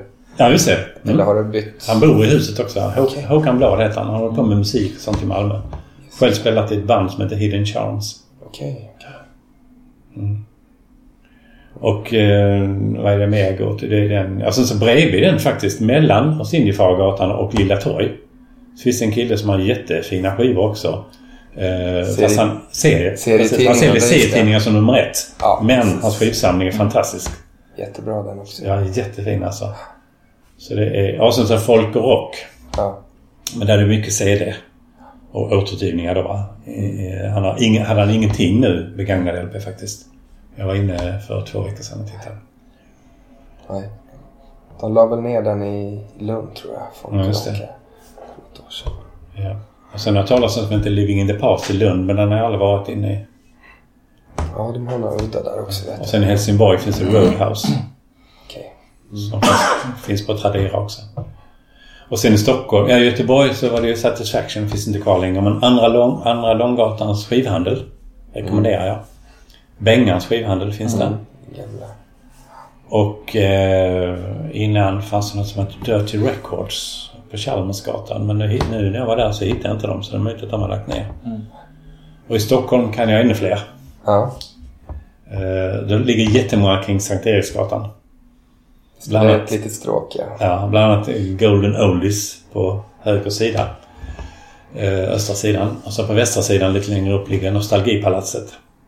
För att nämna två. På Torsgatan, Tvärgatan, ligger... Um, ska se så jag säger rätt här. Um, nej, nu är namnet Nej. väck. Sen har vi på Söder har vi Pet Sounds. Ja, såklart. Den gamla. Och Mariatorget, Marias skivhandel finns det någon som heter. Hornstull. Jag brukar gå. Uh, Hornstull, Mi Mickes uh, skivhandel. Precis. På båda sidor gatan. Dit brukar jag också gå. Och det finns en som heter MJ Retro. Förlängning av eh, Hornsgatan. Hornsgatan tar ju slut vid Långholmsgatan. Alltså kan man säga som kommer... Så, men fortsätter man på Hornsgatan så är det en liten stump med hus på båda sidor. På sydsidan ligger MJ Retro. Okej. Eh, halva är det gamla retromöbler och halva eh, är det skivor. Mm. Det är bra, kom bra kombination Ja. också. Det skulle nog funka. Jättetrevligt att komma in där just därför att det är den blandningen. Ja, det är bra tips. Mm. Yeah. Mycket bra. Utomlands? Eh, Det har jag ju mina favoritaffärer. Eh, Jag ska inte hämta dem nu men eh, jag har ett vykort från Amoeba Records i Los Angeles och Amoeba Records i San Francisco. Jag tror i- det i Los Angeles är nog världens största skivaffär. Men man vet aldrig. Ja, det kan finnas ännu större. Tokyo någonstans. Ja, det, det skulle du kunna faktiskt. Singapore. Ja. Men den är gigantisk i två våningar. Fullt med CD och fullt med vinyl och fullt med nytryckt vinyl. Jag kom in där så jag hade bara en liten stund på mig så jag gick fram med min wantlist. Och eh, ah, men eh, gå till den killen. Och han sprang runt med mig där och plockade grejer. Jätteschysst. Det är så du handlar med Wantlist? Nej, men jag gjorde det den gången för jag hade så ont om tid. Sen när jag kom till San Francisco då hade jag en hel dag. Nästan en och en halv dag på mig. Och då är jag själv gå runt och så liksom. Mm. Men jag vill gå igenom Bondlistan först och sen så kan jag gå och söka lite fritt. Så. Och då köper jag faktiskt CD också. För att det har jag till eh, bilstereon där liksom. Mm. Till och med någon härlig summer mix. Mm. Så. Men det var... Det var eh, på västra sidan. Sen Ja. östra sidan har jag ju eh, favoritaffärer också på Manhattan. Det som vi kallar för Greenwich eh, Village. Så nu så, de kallar det mest för West Village och East Village. Så, eh, West Village skulle jag säga. Där har jag väl fyra skivaffärer som jag brukar gå till. På Bleecker Street ligger det två stycken. På Thompson Street ligger det en. Och på Fourth eh, Street ligger det en. Så de kan tipsa om om ni kommer till, eh, till Greenwich. Det är bra för alla lyssnare här också så de får lite... Japp. Det är inget problem att dela med dig utav den informationen. Nej, nej, nej, nej, det var jättekul. Det var jättekul. Och de funkar. Och jag hittar tillbaka till dem. Va? Så där var Thompson Street har varit tre gånger. Bleecker Street fyra gånger. Det, det är inte några andra här udda länder som du har varit och letat skivor i. Man tänker som... Hawaii har varit. Hunger Air Records kan jag rekommendera i Honolulu. Okej. Nej, sen kommer jag inte ihåg dem i Singapore och, eh, och Hanoi och Saigon. De kommer jag inte ihåg. Eh, Det finns ju där också men jag kommer inte ihåg vad de heter nu. Inga europeiska här udda Östeuropa eller några såna där ställen som man... Berlin hade jag lite koll på. Eh, jag vet, jag skulle kunna kanske leta upp stället nu men jag kan inte, jag kan inte komma inte ihåg vad det heter eller... Nej. Uh, min, Nej. min tjej kanske skulle kunna rekom, vad heter det, rekonstruera det för att hon eh, har ju bott i Berlin ett kort tag. Men mm, Hur ofta brukar du handla skivor? ja, det är säkert en två, tre gånger i månaden fast det inte finns några skivaffärer här. Det är inte Ja. dåligt. Det är bra va? Ja, det är rätt bra. Handla på nätet alltså? Eh, ja, eh, det kan vara Tradera. Det kan vara eh, alltså folk som kommer till mig och vill sälja skivor. Så får jag, tittar jag hemskt gärna först. Eh, Även om jag misstänker att oj, här är det nog många jag inte vill ha så vill jag titta på allt. Du Och säga till dem att eh, okej, jag vill intresserad av de här två. Resten tyvärr alltså är inte värt någonting eller värt mycket lite. Eh, Eller jag kan rekommendera dem också om jag har massa dubbletter så kan jag rekommendera dem till, till Mickes eh, antikvariat Okej. på Kulsenska. För då, han, han, då kan han ha en chans att välja där också och plocka ut det. Du använder inte Discogs? Nej, bara för att kolla värden kanske. Kolla världen, ja det är det. Mm. Men jag har inte- faktiskt inte köpt någonting därifrån. Men Ja, jag, man, man kan jag vet att många använder det som Mm. plattform. Liksom. Ja, jag har det som... eh, Jag finns med liksom. Du har en eh, profil konto, där. så en profil ja. Eh, Och Ebay likaså. Och då ska det vara något väldigt speciellt om man ska handla på Ebay. För Frakten gör ju jättemycket alltså. Mm. Om du ville säga någonting om popklubben och om Tommy Granlund. Absolut, absolut. Ehm, kan jag börja med eh, eh, Tommy till exempel. Att, eh, han var ju med i det här gänget som, eh, från, som var kopplat till Musikhuset. Mm. Eh, det var han skulle ni intervjuat alltså. Ja, det... Han är ju den som jag känner som är världens mesta konsertspringare. Eh, det hade varit guld. Alltså för att han verkligen älskade och han eh, var ju knappt en konsert han inte var på. Man Han, kunde, han pratade gärna om det också. Oh, ja, oh, ja. Det var bara trycka på en knapp så. Men han har ju så mycket i, alltså minnen och intressanta saker och historier att berätta om. Så. Mm. En som för övrigt hade jag också, när jag nämner Tommy, det är ju ehm, eh, Vigge, Thomas Wigert. Han är full av underbara historier med, med band. Så han som eh, brukar spela trummor i Ragnarök. Okej. Mm. Bor bara här i kvarteren. Mm. Mm. Thomas Wigert eller Vigge. Det är han som har varit trummis nu när vi har kört i lokalteatern också. Okej. Bara apropå Ja, histori- men- historierna. Eh, nej, Tommy han hade, skulle ha så himla mycket att berätta. Så, för att det, det var ju honom jag visste att det var alltihopa var i Folkets Park. Massor med band som man har sett där. Men hur lärde du känna honom från början? Då? Ja, det, det var genom Musikhuset. Föreningen Ja. Musikhuset. Så då förstod man att han var liksom poporaklet här. Det var han som kunde allting. Sen så berättade jag för honom om vår popklubb. Och så var han med i flera år i den också. Och då var han så duktig så han fick liksom tävla en kategori för sig. För att han vann ju alltid så att säga. Men, men bara för att eh, hans, hans utmaning det var ju att han skulle försöka och i alla fall få alla rätt va. Eh, Så att eh, vi, vi försökte ordna frågor så att sätta dit honom på någon i alla fall. Va? Och vi andra då liksom kämpade med liksom, vi, vi var i, i en annan klass så att säga. Va? Men han tyckte det var roligt ändå. Absolut va. Eh, missade ingenting. Vi hade ju så att den som man är hemma hos eh, eh, ställer frågorna och så va. Men jag ska återkomma till Tommy då. Sen... Eh, ja, sen har vi haft lite kontakt till och från kan man säga. Det var när han hade Grizzly-affären. Så var man ju där och hängde. Eh, sen var det ett tillfälle när eh, skivbaren då eh, tog slut, upp sig. Det blev tomt i källaren under gamla Domus. Och då eh, var det han och jag och eh, Kenneth som hade eh, begagnat affären vid eh, Ja, vi Tullslätten, ja. Eh, vi tre hade sån här eh, loppis, skivloppis i källaren där. Så det var lite roligt. Det var nog ett halvår i alla fall. Eh, så där träffas vi igen. Och sen så eh, har det varit popklubben då. Och sen naturligtvis på konserter. Eh, så det har varit, jag nämnde Kebnekaise här för, förra sommaren och eh, ytterligare tidigare. Så småpratar man lite grann vid sängkanten och sådär va. Så att eh, det är liksom eh, våra kontakter det är egentligen musik, musik, musik va. Men när det gäller popklubben då så eh, startade den 1982.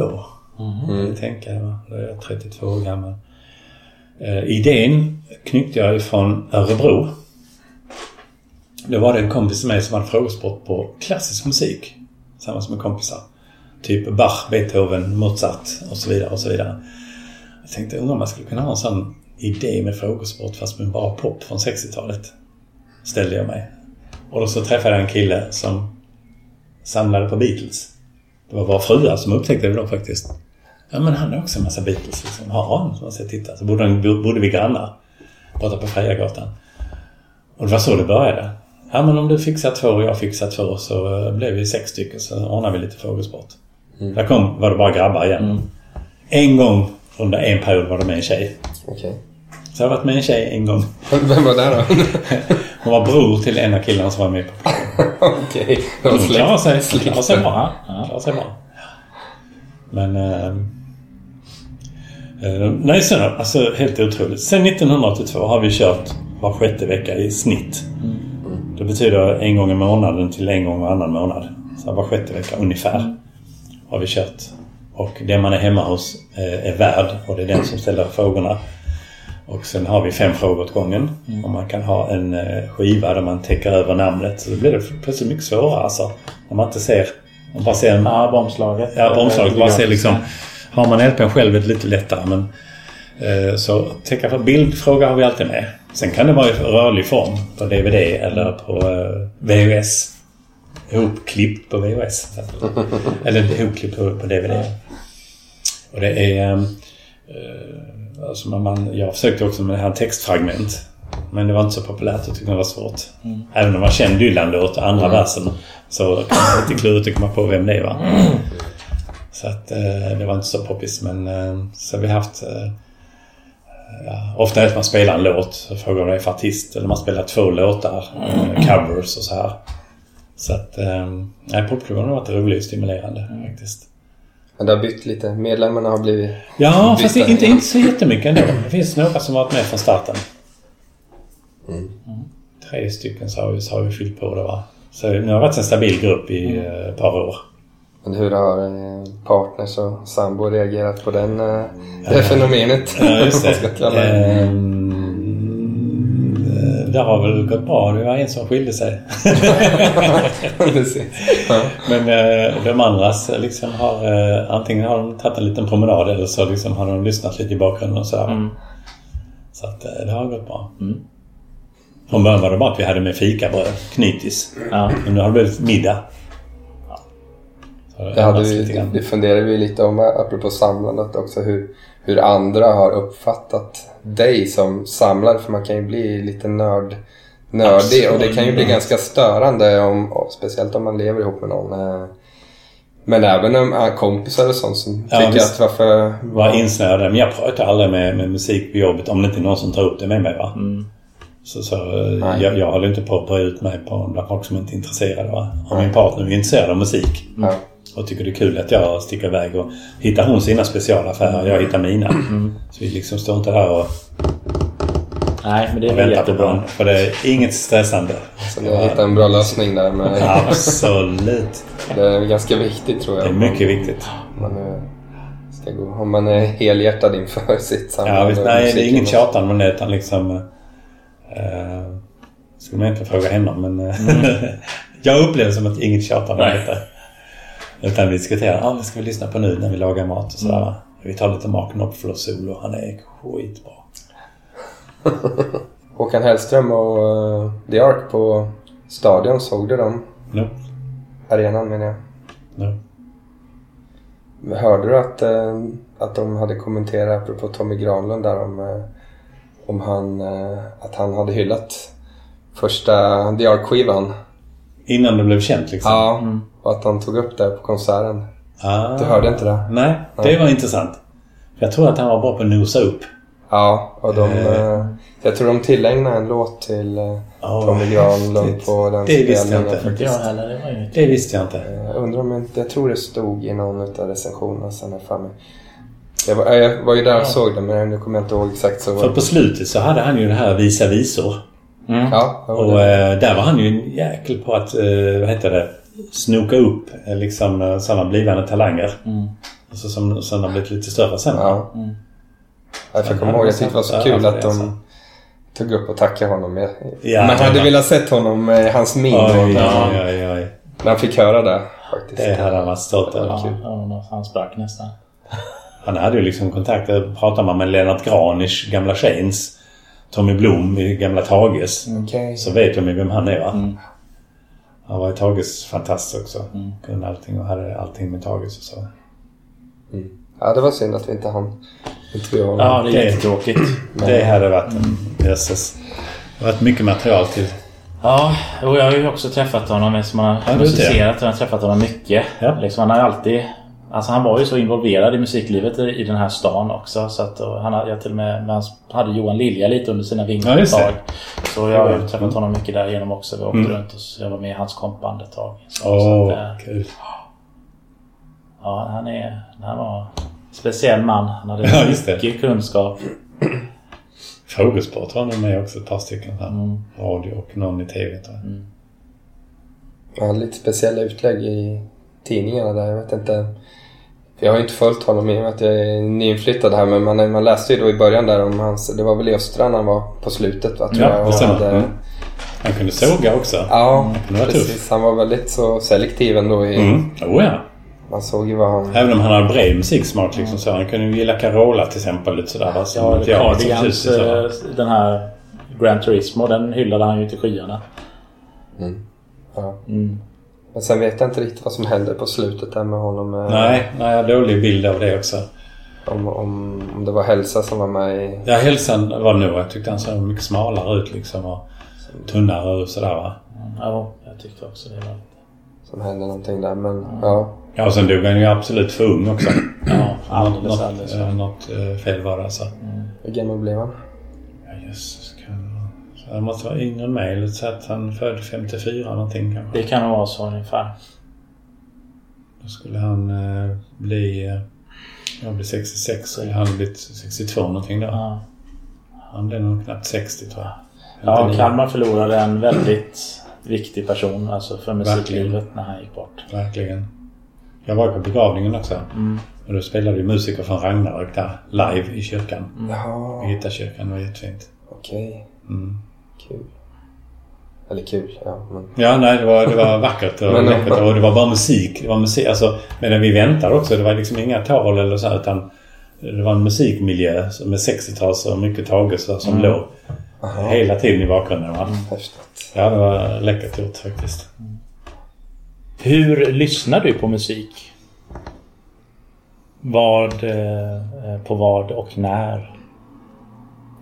Jag har flera olika lyssningssätt. Mm. Ehm, Jag har, um, jag vill börja med kvällen. Så när jag ska lägga mig så är det jättegött att lyssna på iPod. På inspelningar då. Ehm, Och I början så är jag ju liksom... Blir det mycket text och musik som man lyssnar på. Men ju tröttare man blir så somnar man in till någonting till slut. Så det får inte vara för uppåt musik utan eh, lite lugn, lite cool. Mm. Så jag, försöka. jag har hittat en Cowboy Junkies. Ja. Oerhört stillsamt och eh, suggestiv musik. Mm. Och Ragnaröks eh, skiva Path. Mm. P-A-T-H. Den funkar också jättebra. Så här, verkligen mysig och somnar inte in. Där är ingen text alls. Är det fabriksny den? Den Ja. ja. lite funkig. Ja, Mm, jag gillar ju ja. instrumental eh, Ja. musik så att eh, för mig... Det är mycket akustiskt där men det är kanske tre akustiska gitarrer. Va? Vänster, höger och mitt. Det är jättefint. Men är, är det mycket melodier? För som, Ja, det är som mycket jag melodier sa, också, ja. Ja. jag tänker hur man lyssnar. För jag, som sagt, jag lyssnar ju alltid varit så att jag tar ju in musiken. Alltid musiken först. Och texten, det är en bisak egentligen för mig. Så, så har det varit för mig från början när det var Beatles-låtarna. Det var liksom eh, en bra melodi. Sen eh, handlade det någonting om love eller okej, det gjorde ju alla låtar då. Nej. Så det var inte så jätteviktigt eh, om man kanske sjöng fel med. Man trodde man sjöng rätt så sjöng man någonting helt annat som inte fanns. Så texter har kommit lite senare. Alltså när man var kanske 20-årsåldern då började man lyssna lite grann då. Och då var ju det Bob Dylan och Leonard Cohen då som var de stora poeterna. Men det är ju ganska tidigt. Alltså i mina öron är det ganska tidigt. För om, Om man jag börjar 20. lyssna, ja, får lyssna på texter ändå. Alltså, men eh, det är olika Ja. det där. Så. Men sen så vet jag sen när jag tyckte texterna var inte så jättebra. Jag tyckte ändå melodin var bra så vann låten i alla fall. Mm. Tyckte om låten i alla fall va. Och kunde, jag kunde ta till mig textfragment. Så, va? Ja, precis. Ja. Men för mig är det fortfarande lika viktigt uh, vilket som. Men till exempel, det var ju kvällslyssning. Sen har vi då matlagningslyssning. Den blir också ganska intensiv för där hör man ju texterna och eh, men man kanske springer och hämtar ingredienser och man steker samtidigt och sådär. Så det är inte... Det är halvintensiv lyssning. Och sen har jag sån lyssning som är lite passiv där jag lyssnar igenom massor med plattor för att avgöra om jag ska spara dem eller sälja dem vidare. Det är den jag håller på med mest just nu. Och då kan jag sitta och liksom gå igenom tidningar eller göra någonting annat samtidigt eller jobba eller så samtidigt. Ofta har jag pyssel jag- så att jag har två aktiviteter samtidigt. Och då blir det musiken och texten blir lite... Eh, jag kan inte lyssna på svenska texter då. När jag håller på med att gå igenom tidningar till exempel. Så, va? Utan då, eh, då blir det engelska liksom. Så har jag en viss aktivitet som är eh, manuell, alltså som går, ska göra några uträkningar eller någonting. Då kan jag ha svensk text att lyssna på. Så. Om jag ska bestämma om jag ska behålla en skiva eller ej. Så jag har minst tre olika lyssningssätt. Mm. Eh, Och sen så har vi det där lyssningen också som är nu, nu ska jag spela bra solo för dig. Nu ska jag spela eh, en bra låt här. Och sen så mm, har man ett glas öl eller ett glas vin och så sitter man precis vid stereon liksom mitt framför högtalarna. Nu, Vänta nu, nu kommer, nu kommer det här solot alltså. Kolla vad vacker gitarr.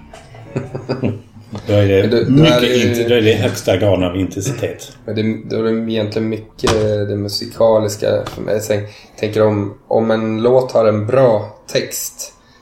Om du i början inte är så intresserad av musiken men kan en text vinna över en låt? Ja, det kan den. Och tvärtom. Det är lika mycket åt båda hållen. Ja, lika mycket åt båda hållen. Japp. Men en, en fånig melodi, alltså en så här som ska vara lite så här umpa umpa eller vara lite gladfjantig. Alltså som ska vara tramsig med vilje. Den kan förstöra en hel låt för mig. Så det är liksom... Det kan förstöra en hel LP. En låt som jag tänker som flippar ut. Och liksom eh, helt, helt fel stil mot den övriga. Det, det kan sabba stämningen på en hel LP alltså. Ja, det är lite intressant det där hur man, Alltså de byter stil. har en eh, på- cool, skön, härlig eh, stil på alla låtar. Och som plötsligt första låten på andra sidan, eller om det är en LP då, bara är någonting helt annat. Så kan jag tycka, nej, var dåligt. Så, så ingenting med Queen då. ja, jo, men Queen har överraskat mig åt andra hållet. Därför att då har jag lyssnat på Queen eh, utan att, alltså passivt på något sätt va. Och hört deras hits och så va. Och så plötsligt nu så har jag två Queen-LP som jag tycker är jättebra. Är det Queen? Det låter ju fasen som Vilka Beach? Boys. Jag har ehm, den med alla cyklarna. Uh, jazz heter Jazz den. Ja. Pascal. Eh, flera bra låtar där. Varav en låter så nästan som Beach Boys som har använt reklam i TV4 någonting. Några mellanprogram. Och sen finns det en som heter... Um, heter den Killer Queen? Killer Queen är på... det blir Antingen Night at Opera eller Theatre Races tror jag. Night at Opera heter den. Ja. Så det är två jag har och de blir jag riktigt förtjust i så jag tänkte jag kanske måste höra mer av Queen. Ja, jo då, de har gjort en Så del. de, eh, de har jag nu. Ja, Eh, härligt. Någonting det, är se fram alltså, emot. det är på 2010-talet du. 2010-talet som Ja. jag upptäckte det. Mm. Lite sent men... Det är nästan klassisk musik. Ja visst, är det. Ja det är det. Ja det är det. Faktiskt. Hur är det med sångröster då? Man ska ta in det också. Om, om du har en bra musik, du har en bra text, sen har du en sångröst som Mm. du stör dig på. Kan du ändå... Kan det andra vinna över en, en sångröst? Ja det kan det faktiskt. Jag har sådana som sjunger ganska dåligt. Singer-songwriter. Som eh, absolut är, kan vinna på fantastiska texter eller, eller låtar. Är det så att du kan lyssna på musik bara för att det är en bra sångröst om låten inte håller? Man vänder på det. Ja. Det finns faktiskt några exempel. Men eh, där har jag nog blivit li- lite mer kritisk med åren tror jag. Mm. Väljer bort. Det finns så mycket ändå. För jag, jag tycker det är lite intressant det där men jag, Det är mycket intressant. jag försöker förstå mig själv faktiskt hur, varför jag tycker någonting är bra. När man ska bena upp det så, så börjar man undra lite vad är det som man går igång på egentligen och vad, varför utesluter jag en låt Mm. När jag inte gör det med en annan. Det kan vara en, en skiva som man lyssnar på och sen väljer man ut några låtar som varför är det? Så för mig är det mycket melodislingor och melodi, melodierna som jag... Det kan, men det kan vara en, även rytm och, och den biten jag, jag tycker om. Ja, det är lite så olika saker som man... Och även rösten. Därför gillar jag mycket instrumentalmusik för att eh, Alltså, Rösten rösten kan- är inget hinder. Nej. rösten kan... Nej, det kan snarare förstöra en låt för mig. Alltså, då kan jag ha svårt att lyssna på om jag inte tycker om eh, sångrösten. Så. Men någonting som jag tror är speciellt för mig själv är att jag eh, blir ganska mätt på... Eh, alltså om jag har lyssnat på en låt. Då ska det mycket till för att jag ska lyssna på den en gång till. Jag har ju precis hört den. Mm. Alltså jag, jag kan liksom, det finns någon som kan lyssna på en låt tio gånger i rad. Mm. Det skulle jag inte kunna. Nej. Det, alltså det blir någonstans precis som att äta chokladbitar i två timmar eller sådär va? Eller, eller äta eh, Det kroppkakor i två timmar eller sådär va? Bara samma, samma, samma. Det är liksom... Ja, Jag känner ändå också det lite. Det är svårt. eh, Och, och det kan vara alltså, så att jag är mycket så har hört en låt. Oh, då vill jag gärna höra mer. Kanske samma band eller så. Helt okej va. Eh, jag har lite svårt för att lyssna på reggae en hel kväll. Eller hårdrock en hel kväll. Så att jag, jag hoppar gärna genre också. Märker jag. Eh, faktiskt. Möjligtvis att singer-songwriter är lite extra varmt om hjärtat så det kan jag tåla mer än andra. Mm, eget och land för. ja. Ja, ska vi ta lite om genrer då? Är det något specifika? Nu har du sagt vis, ja, Ja. singer-songwrite visa då som Ja. är mer varmt, blivit, ja. ligger varmt om hjärtat om man säger. Just samlandet där har blivit väldigt speciellt. Eh, alltså att som jag nämnde att jag kanske har tre av fyra LP. Och då vill jag ha den fjärde också. Va? Och det har jag inte upplevt likadant. Bland, för bland banden så är det ofta så att de kanske har haft antingen period i början som var väldigt bra. Eller i slutet. Eh, alltså att de första skivorna Jag har inte varit så... Chris Rea var något sånt exempel. Det tog flera skivor innan jag började uppskatta honom. Men sen uppskattar jag honom jättemycket från en viss period. Va? Uh, så finns det väl andra som är tvärtom då som jag har. Jag kan ta Cat Stevens tyckte jag väldigt mycket om hans tidiga. Och sen kommer det några plattor där någon gång in i 70-talet. eh, Som... eh, Alltså den första halvan av 70-talet är jättebra fortfarande. Men sen så dör det där också. Och det tycker jag är nästan det vanligaste att någon håller på för länge. Ja. Som skulle ha slutat för länge sedan. Ja, det kan man ju alltid diskutera. Jag tycker, som inflikar är att många band, artister, eh, deras första skivor är ganska, oftast ganska bra om man tycker om dem. Och sen så helt plötsligt så lever de inte sina liv längre utan de lever på, på vägen liksom, on the road. Precis. Och har egentligen ingenting att förmedla. Nej. Och börjar likna andra band. Ja, det bara smälter ihop. Mm. Mm. Så det, jag tycker nästan bättre oftast om, oftast om artister rent generellt över flera skivor. Eh, om det tar i alla fall en fyra, fem år mellan varje skiva och de är inte ute och turnerar utan de faktiskt lever sina liv. Just det. För då finns det oftast betydligt mer beröringspunkter Mm. för en själv. Ja men visst, visst är det så. Det är intressant. Mm. Men eh, du kan lyssna på alla musikgenrer. Det är ingen som du känner att eh, det här klarar jag inte av. Ja, jag, jag kan väl mycket kort när det gäller techno och hiphop. Det är inte riktigt eh, min... eh, eh, Det kan jag lyssna på ett tag liksom. Så, va.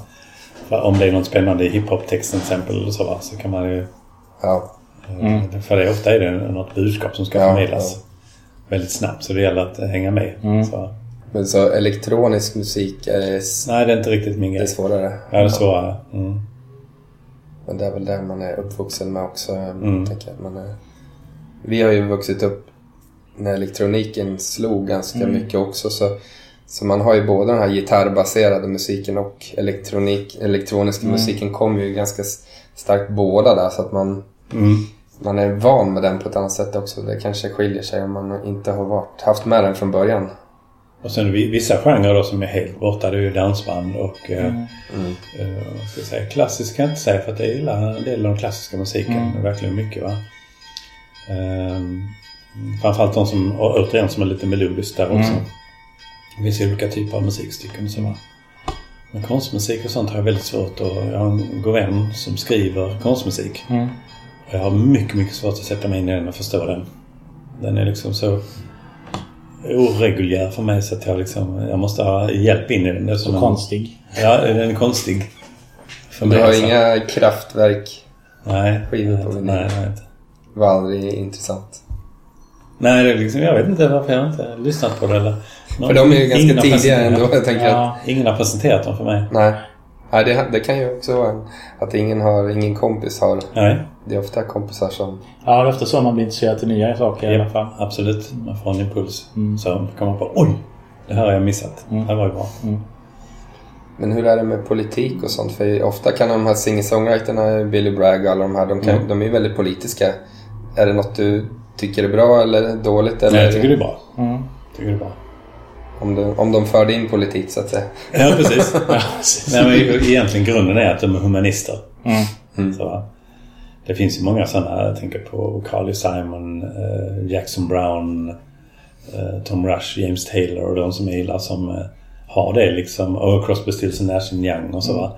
Som eh, har eh, ganska bra eh, liksom om miljön och eh, David Crosby, Graham Nash har gjort jättefin sång om valarna Mm. och så. Whale Catcher. Så att ehm, eh, jag märker det att de, de, det, det är spännande de liksom för fram budskap och inte bara är så kallad hej, som kärlekssång. Utan det finns någonting mer. Ja. Jag är bara glad. Ja. Men då, då kan det vara lite svårare om det blir för abstrakt också. Alltså jag tänker textmässigt. Om det, det är inte meningen att man ska förstå hela texten på en gång så att säga. Eller, Det gör inte så mycket heller. Jag tänker gör inget. Tim, Buckley och Leonard Cohen kan ju vara sådana. Mm. Tidiga, kryptiska. Mm. Men då kan det bara vara spännande för mig att det tar längre tid att komma in i. Och då Ja. kan det vara Alltså inte lättuggat utan att det, det tar tid när man kommer in i det. Va? Och då, då, då är det inget fel. Jag vet, jag har haft texter med Leonard Cohen speciellt. Alltså där jag lyssnar på låten, tycker om låten. Tycker väl om texten men förstår den inte riktigt. Sen kan det alltså, det är nästan så det krävs en viss mognad på något sätt. Ja. Och, och, eller eller så har jag gjort som jag, att jag kanske 20% av låten har gillat. Bit ur andra och fjärde versen. Mm. Vilka textsnuttar. Helt otroligt. Sätter ihop dem va. Mm. Till och med skrivit av dem som, Ja. som en diktsamling va. Mm. Men resten liksom som du säger kryptisk och Ja. ja. ta- tilltalar inte mig. Eller religiösa grubblerier och sånt Mm. har inte varit min grej heller va. Så att eh, bitar, fragment och texter kan räcka för att höja en låt Mm. till skyarna ändå. Precis, det är, det är då man får gåshud. Precis. Precis. Om jag ska ha någon förutfattad mening så skulle jag misstänka att du gillar mer producerad musik. Alltså, i jag, jag menar alltså musik som är mer, ehm, ja, man säger mer producerad egentligen. Att den är ja, lättare för öronen att, ta in så att säga. Eh, För jag är ju uppvuxen ganska mycket det man kallar för indie, indie-pop, indie-rock. Den är väldigt skramlig och lo-fi liksom. Den har en, en låg produktionsnivå. Och det kan jag se som en fördel. Alltså för att jag, jag får, kan få mer utav en, en sån låt som inte är för tillrättalagd om man säger. Mm. Jag vet inte hur du ser på den just den Nej, biten. jag, jag tror inte det. eh, Men det är möjligt att du kommer på någonting där. Att du kommit åt någonting. Va? Att det är det som det handlar om. Men eh, du skulle nästan höra något exempel. På något som, vi säger två exempel. Du spelar två låtar. Den ena Ja. är... ehm, alltså, jag vet ju vad överproducerad är. Ja. Men säga producerad eller en så att säga nästan icke-producerad. Och så kanske jag tycker om båda två. Om man säger att du lyssnar på, du som har köpt CD-skivor med bonuslåtar har du säkert hört demoversioner ibland av, av låtar som du redan känner till. Ja, just det. Men det kan jag uppskatta. Det kan få en annan råhet eller nerv. Ja, liksom. oh ja. Det håller jag med om. Jag jag gillar ju en tjej som heter Sandy Denny otroligt mycket från 70-talet. Eh, Som var sångerska i Fairport Convention bland annat och var folkrockband. Hon var med där från och till. Och eh, på, på bonusgrejer med henne så finns det just, precis som du säger, en alternativ demoversion av. Och då, när jag gillade låten i fullt, i full tryck så att säga, med fullproducerad. Den är helt makalös den låten jag tänker på. Men det var jättehäftigt att höra hennes demo också. Där de inte lagt på allt det här va. Och då gillar jag båda. Fast på olika sätt. Ja, ja. Så att eh, jag, kan, jag jämför inte dem riktigt. Jag, jag kan gilla båda. Nästan som det var två låtar. Ja, det, ja. Jag vet inte om det där är generationssaker eller om det är hur, hur man eh, lyssnar på musik. Jag kan störa mig ganska mycket om det blir för producerat. Jag, Mm. då, då ryggar jag tillbaks för då, då det blir liksom för... Och, och när, jag, jag tänker också på det. Det är också intressant. Det sitter en person, en tjej eller en kille och skriver en låt. På piano eller på med gitarr som grund. Och sen så provar de att sjunga den långsamt. De provar att sjunga den snabbt. De provar att lägga till trummor. De provar att lägga till liksom... Hur ska den vara? Vilket tempo ska den vara? Eh, när gör den sig bäst? Jag har hört sådana här eh, låtar som har gått snabbt. En hyfsat snabb poplåt. Plötsligt de drar ner den som en blues. Långsam blues. Och plötsligt har låten lyft till skyarna. Och den var kanske redan bra från början. Men så häftigt att göra om det. Det finns bara sådana exempel i historien också va. Eh, så man tänker, oj alltså olika versioner av samma låt va. Där jag kanske har gillat båda versionerna faktiskt. Det är någon låt med, med vad heter det, The Boss. Eh, Heter den Atlantic City. Och de gör med den med E Street Band. En uppåttempo. Sen gör han den själv. Jag vet inte om den är med på Nebraska-skivan. Eller det, men det är i alla fall mer... Det är bara hans gitarrsång och så har han dubbat på lite sång. Och den är, är så fantastisk i den avslippade versionen. Och så hörde jag den i, eh, med fullband. Och det var liksom bara ettrigt. Det var typ som ett ackord i fem minuter. Och tappade precis. För det var en väldigt alltså, här, riktigt emotionell känsla Ja. i den när han Ja. sjöng den. Liksom. Ja. Så, så Man kan nog precis, få öva, ja, verkligen. jag förstår precis vad du menar. Men när slutar man producera? Eller, eller kanske till och med att man, så att man plockar bort lite grann igen. Därför att man tänker, vänta nu. Vad snyggt den bara var tvärflöjt och en akustisk gitarr. Mm. Och lite piano som hörs i bakgrunden. Kanske då det är som bäst. Ja, jag, är så ointresserad av tekniken egentligen så jag hittar inte rätt formuleringar egentligen när det gäller produktion. Men eh, just den där eh, nerven eller råheten eller äktheten att det, det här händer nu i studion liksom. Att, eh, att den finns kvar. Man kanske behåller något misstag. Ja, där har Ja, ja, just det. det. det är misstagen att det inte är kvantiserat liksom. För mig är- kan det vara- Jag, Jag kan gå igång riktigt på att Ja, ja, det var ja. skönt att de sparade det där. Ja. Jag har ju någon gammal John D. Hooker-platta när han sitter och stampar. Så kompet är egentligen när han sitter och stampar i golvet till sin gitarr så är den slamrig. det är halvakustisk elgitarr. Bara det och hans röst. Och, och det, är inte riktigt i takt hela tiden. Va? Nej, det är- så bra! Ja, ja du ser. Du har ju... Du kan ju också Ja, gå ja, ja. igång på den. Ja. Och den, den plattan håller jag hårt i. Liksom. Den gör man aldrig av med. Fast den inte var med i min samling från början. Det är typiskt sådana 90-talsfynd. Mm. Som jag tänkte, gud vad häftigt. Real, real gone heter en låt också. Fantastiskt. Ska vi runda av lite med de sista frågorna Ja, där? jag tror det känns bra. Mm. Ja, musikdrömmar. Eh, Alltså det är för dig, så framtida projekt som du kanske funderar på att göra. Eh, Som vi pratar om eh, musik, Öppna skivbutik, eh, Ja. slash retromöbler, slash surdegsbröd. Nej men... eh, Just det. Just det. Vi backar upp dig. Ja, det var- Du vill ha en skivbutik här i stan. Musikcafé. Ja, precis. Ja, det hade varit suveränt samma år. Nej men en dröm är väl en gammal eh, alltså, ren skivbutik då. Men, men alltså varför skulle du inte kunna ha ett café i ena änden? Absolut. Eh, det, det är ju... Men så vet jag inte, alltså det som kan vara en dröm kan ju vara en skön dröm men när det blir verklighet så oj, räkenskaper, eh, måste. vänta det går aldrig ihop, oro varje månadsslut. Fasen jag har sålt för lite. Och då kanske hela det roliga är borta va? Förstör hela intresset Ja. nästan. Lite rädd för det. För jag hade ett sånt vägskäl en gång när det gäller eh, amatörteatern. Skulle vi bli proffsgrupp och leva på det och skippa lärarjobbet som jag hade då.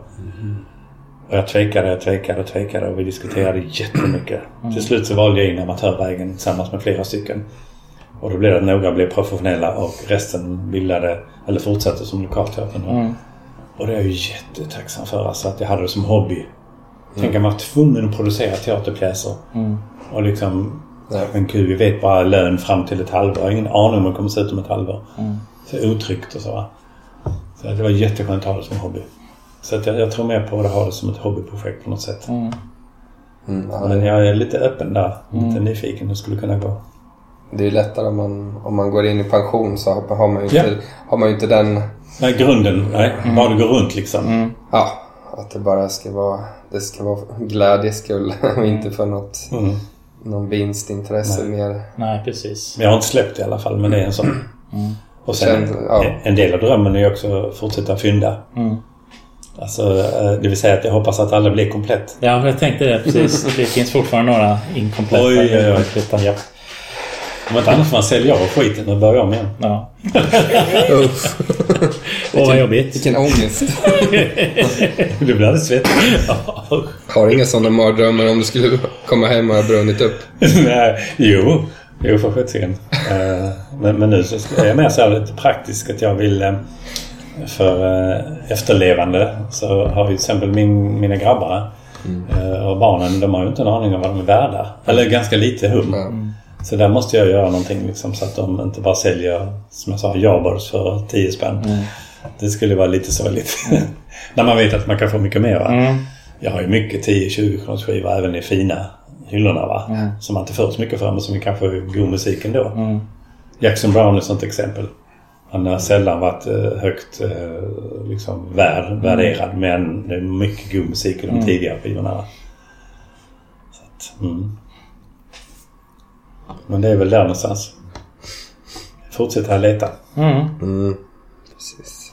Mm. Skriva en bok. Skriv en bok. Ja, just en det. musikbok. Ja. Vad skulle, Och hur, hur... vad skulle det handla om? Ett musikliv. Ja. Men det har också haft en sån där fundering någon gång att man är... Jag tror vi pratade om det tidigare. Mina drömmar om Märklinbanan. Ja, just det. Kanske det. Vilken var det? Tänker du vinterlandskapet? Han vill bygga en Märklinbana här inne så jag kan sitta och köras på tåg. Jag har kvar modelljärnvägen. Från eh, sent 50 tidigt 60-tal. Det var väl en av mina drömmar. Det Jo, det var det. Meka och lödda ihop sådana Ja, här små grejer. Det var en affärsidé jag hade också att jag skulle ha skiva Snabbar för... jag nu för mycket? Och sen så då. Så skulle jag ha skivaffär i ena änden och så skulle jag då ha en liten lödverkstad i andra. Jaha. Som jag köpte in gamla modelljärnvägar och så lagade, fixade och sålde. Det är lite sidan av musiken. Ja, det är som han i, vad heter Sällskapsresan? Vad heter karaktären nu igen? Ja, Ja, just det. Ja. Ja, just det. Ja, ja. Han får sin modell i verkligen. Men eh, eh, jo, jag har faktiskt gjort en jättefin musikvideo eh, med tåget. Mhm. Jag klippte ihop eh, snygga närbilder och sånt när tåget kommer och kör rakt mot kameran och så. Ute fokus, inne fokus och så. så. Och eh, lagt på lite tågmusik till det. Mm. Snyggt. Jättesnyggt. Har gjort en, en, eh, en modelljärnvägsvideo. Mm. Tre minuter lång. Kanske gör någonting. Gör musikvideos. ja. För samlare. Dubbelsamlare. Mm. Vi brukar avrunda lite med det här eh, tanken om musik som eh, konstform. Alltså, varför är man intresserad av musiken och varför är musiken viktig för dig och har varit? Vad, vad ger den dig eh, i vardagen? Liksom vad, ja, hel, Ja, som, helhets- som människa. ja, Lite så. betyder ju mycket. Jag har ju så mycket olika musik för olika stämningar. Mm. Om man är för vänner kan man lägga på någonting lite tuffare. Och en, är man ledsen kan man lägga på något lite sorgligare. Eller om man är glad och vill bli lite ledsen eller eh, cool så. Alltså att jag har musik som kan styra mig både uppåt och neråt. Musik för alla tillfällen skulle jag säga. Alla känslor. Eh, Som jag sa, matlagningsmusik eller eh, samla kraftmusik. eh, Så det, det är verkligen en, det är läkande, det är helande, det är underhållande, det är eh, sorgligt. Det är liksom, jag har musiken till allt. Mm. Den finns liksom närvarande mer eller mindre. Om du skulle tänka dig ett liv utan musik Eller till exempel utan hörsel. eller utan hörsel. Att man inte hade hörseln. Det skulle vara jättesvårt alltså. Grymt svårt. Ja. För hörseln är ett fantastiskt instrument och eh, just med tanke på musiken och så. Ja, det skulle vara hårt om man inte fick höra någon musik alls. Instängd i ett ljudlöst rum. Usch. Om man ska jämföra musik, musiken som konstform med andra konstformer. eh, Varför skulle musiken i så fall vara mer betydelsefull än, än någon annan eh, konstform? I, i, alltså enligt dig då? Mm. För du har ju ändå... Det är svårt säga- att säga. Alltså, jag går nog på känsla där. Alltså, jag, jag tycker musiken är den viktigaste konstarten. Fast egentligen när man tänker på ögat, örat. Alltså, Mm. alltså, man är, synen är ändå kanske ännu mer tacksam för än hörseln på ett sätt.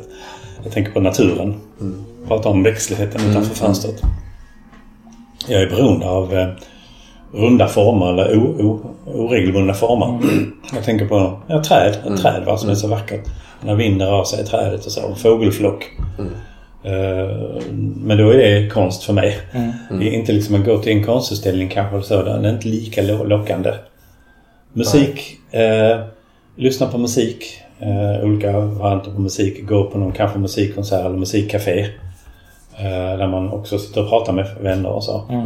Eh, eh, är, ligger, ko- kommer i den ordningen. Lyssna hemma. Eh, gå iväg eh, på något musikcafé. Eh, tredje kanske en teaterpjäs. Eh, och eh, så att det, kanske en tavelutställning och sånt ligger lite längre ner på önskelistan. Om man säger så. Det finns en viss rangordning om jag får önska.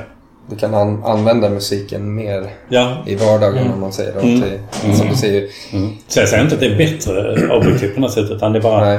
vad som har legat mig närmast med hjärtat på något sätt. Mm. Så har det blivit så att det har blivit inflätat i att jag har blivit bra på att titta på lite udda skivor också. Jag har blivit bra på att bedöma dem och, Mm. och, och um, hitta musiker som kanske går igen på vissa plattor. Så, så en kunskap som kommer till. Mm. Så, Om du fick eh, bestämma vad det skulle stå på din gravsten om det skulle vara kopplat till musik. Har du någon textrad som skulle funka? lyssna på det här. Punkt, punkt, punkt.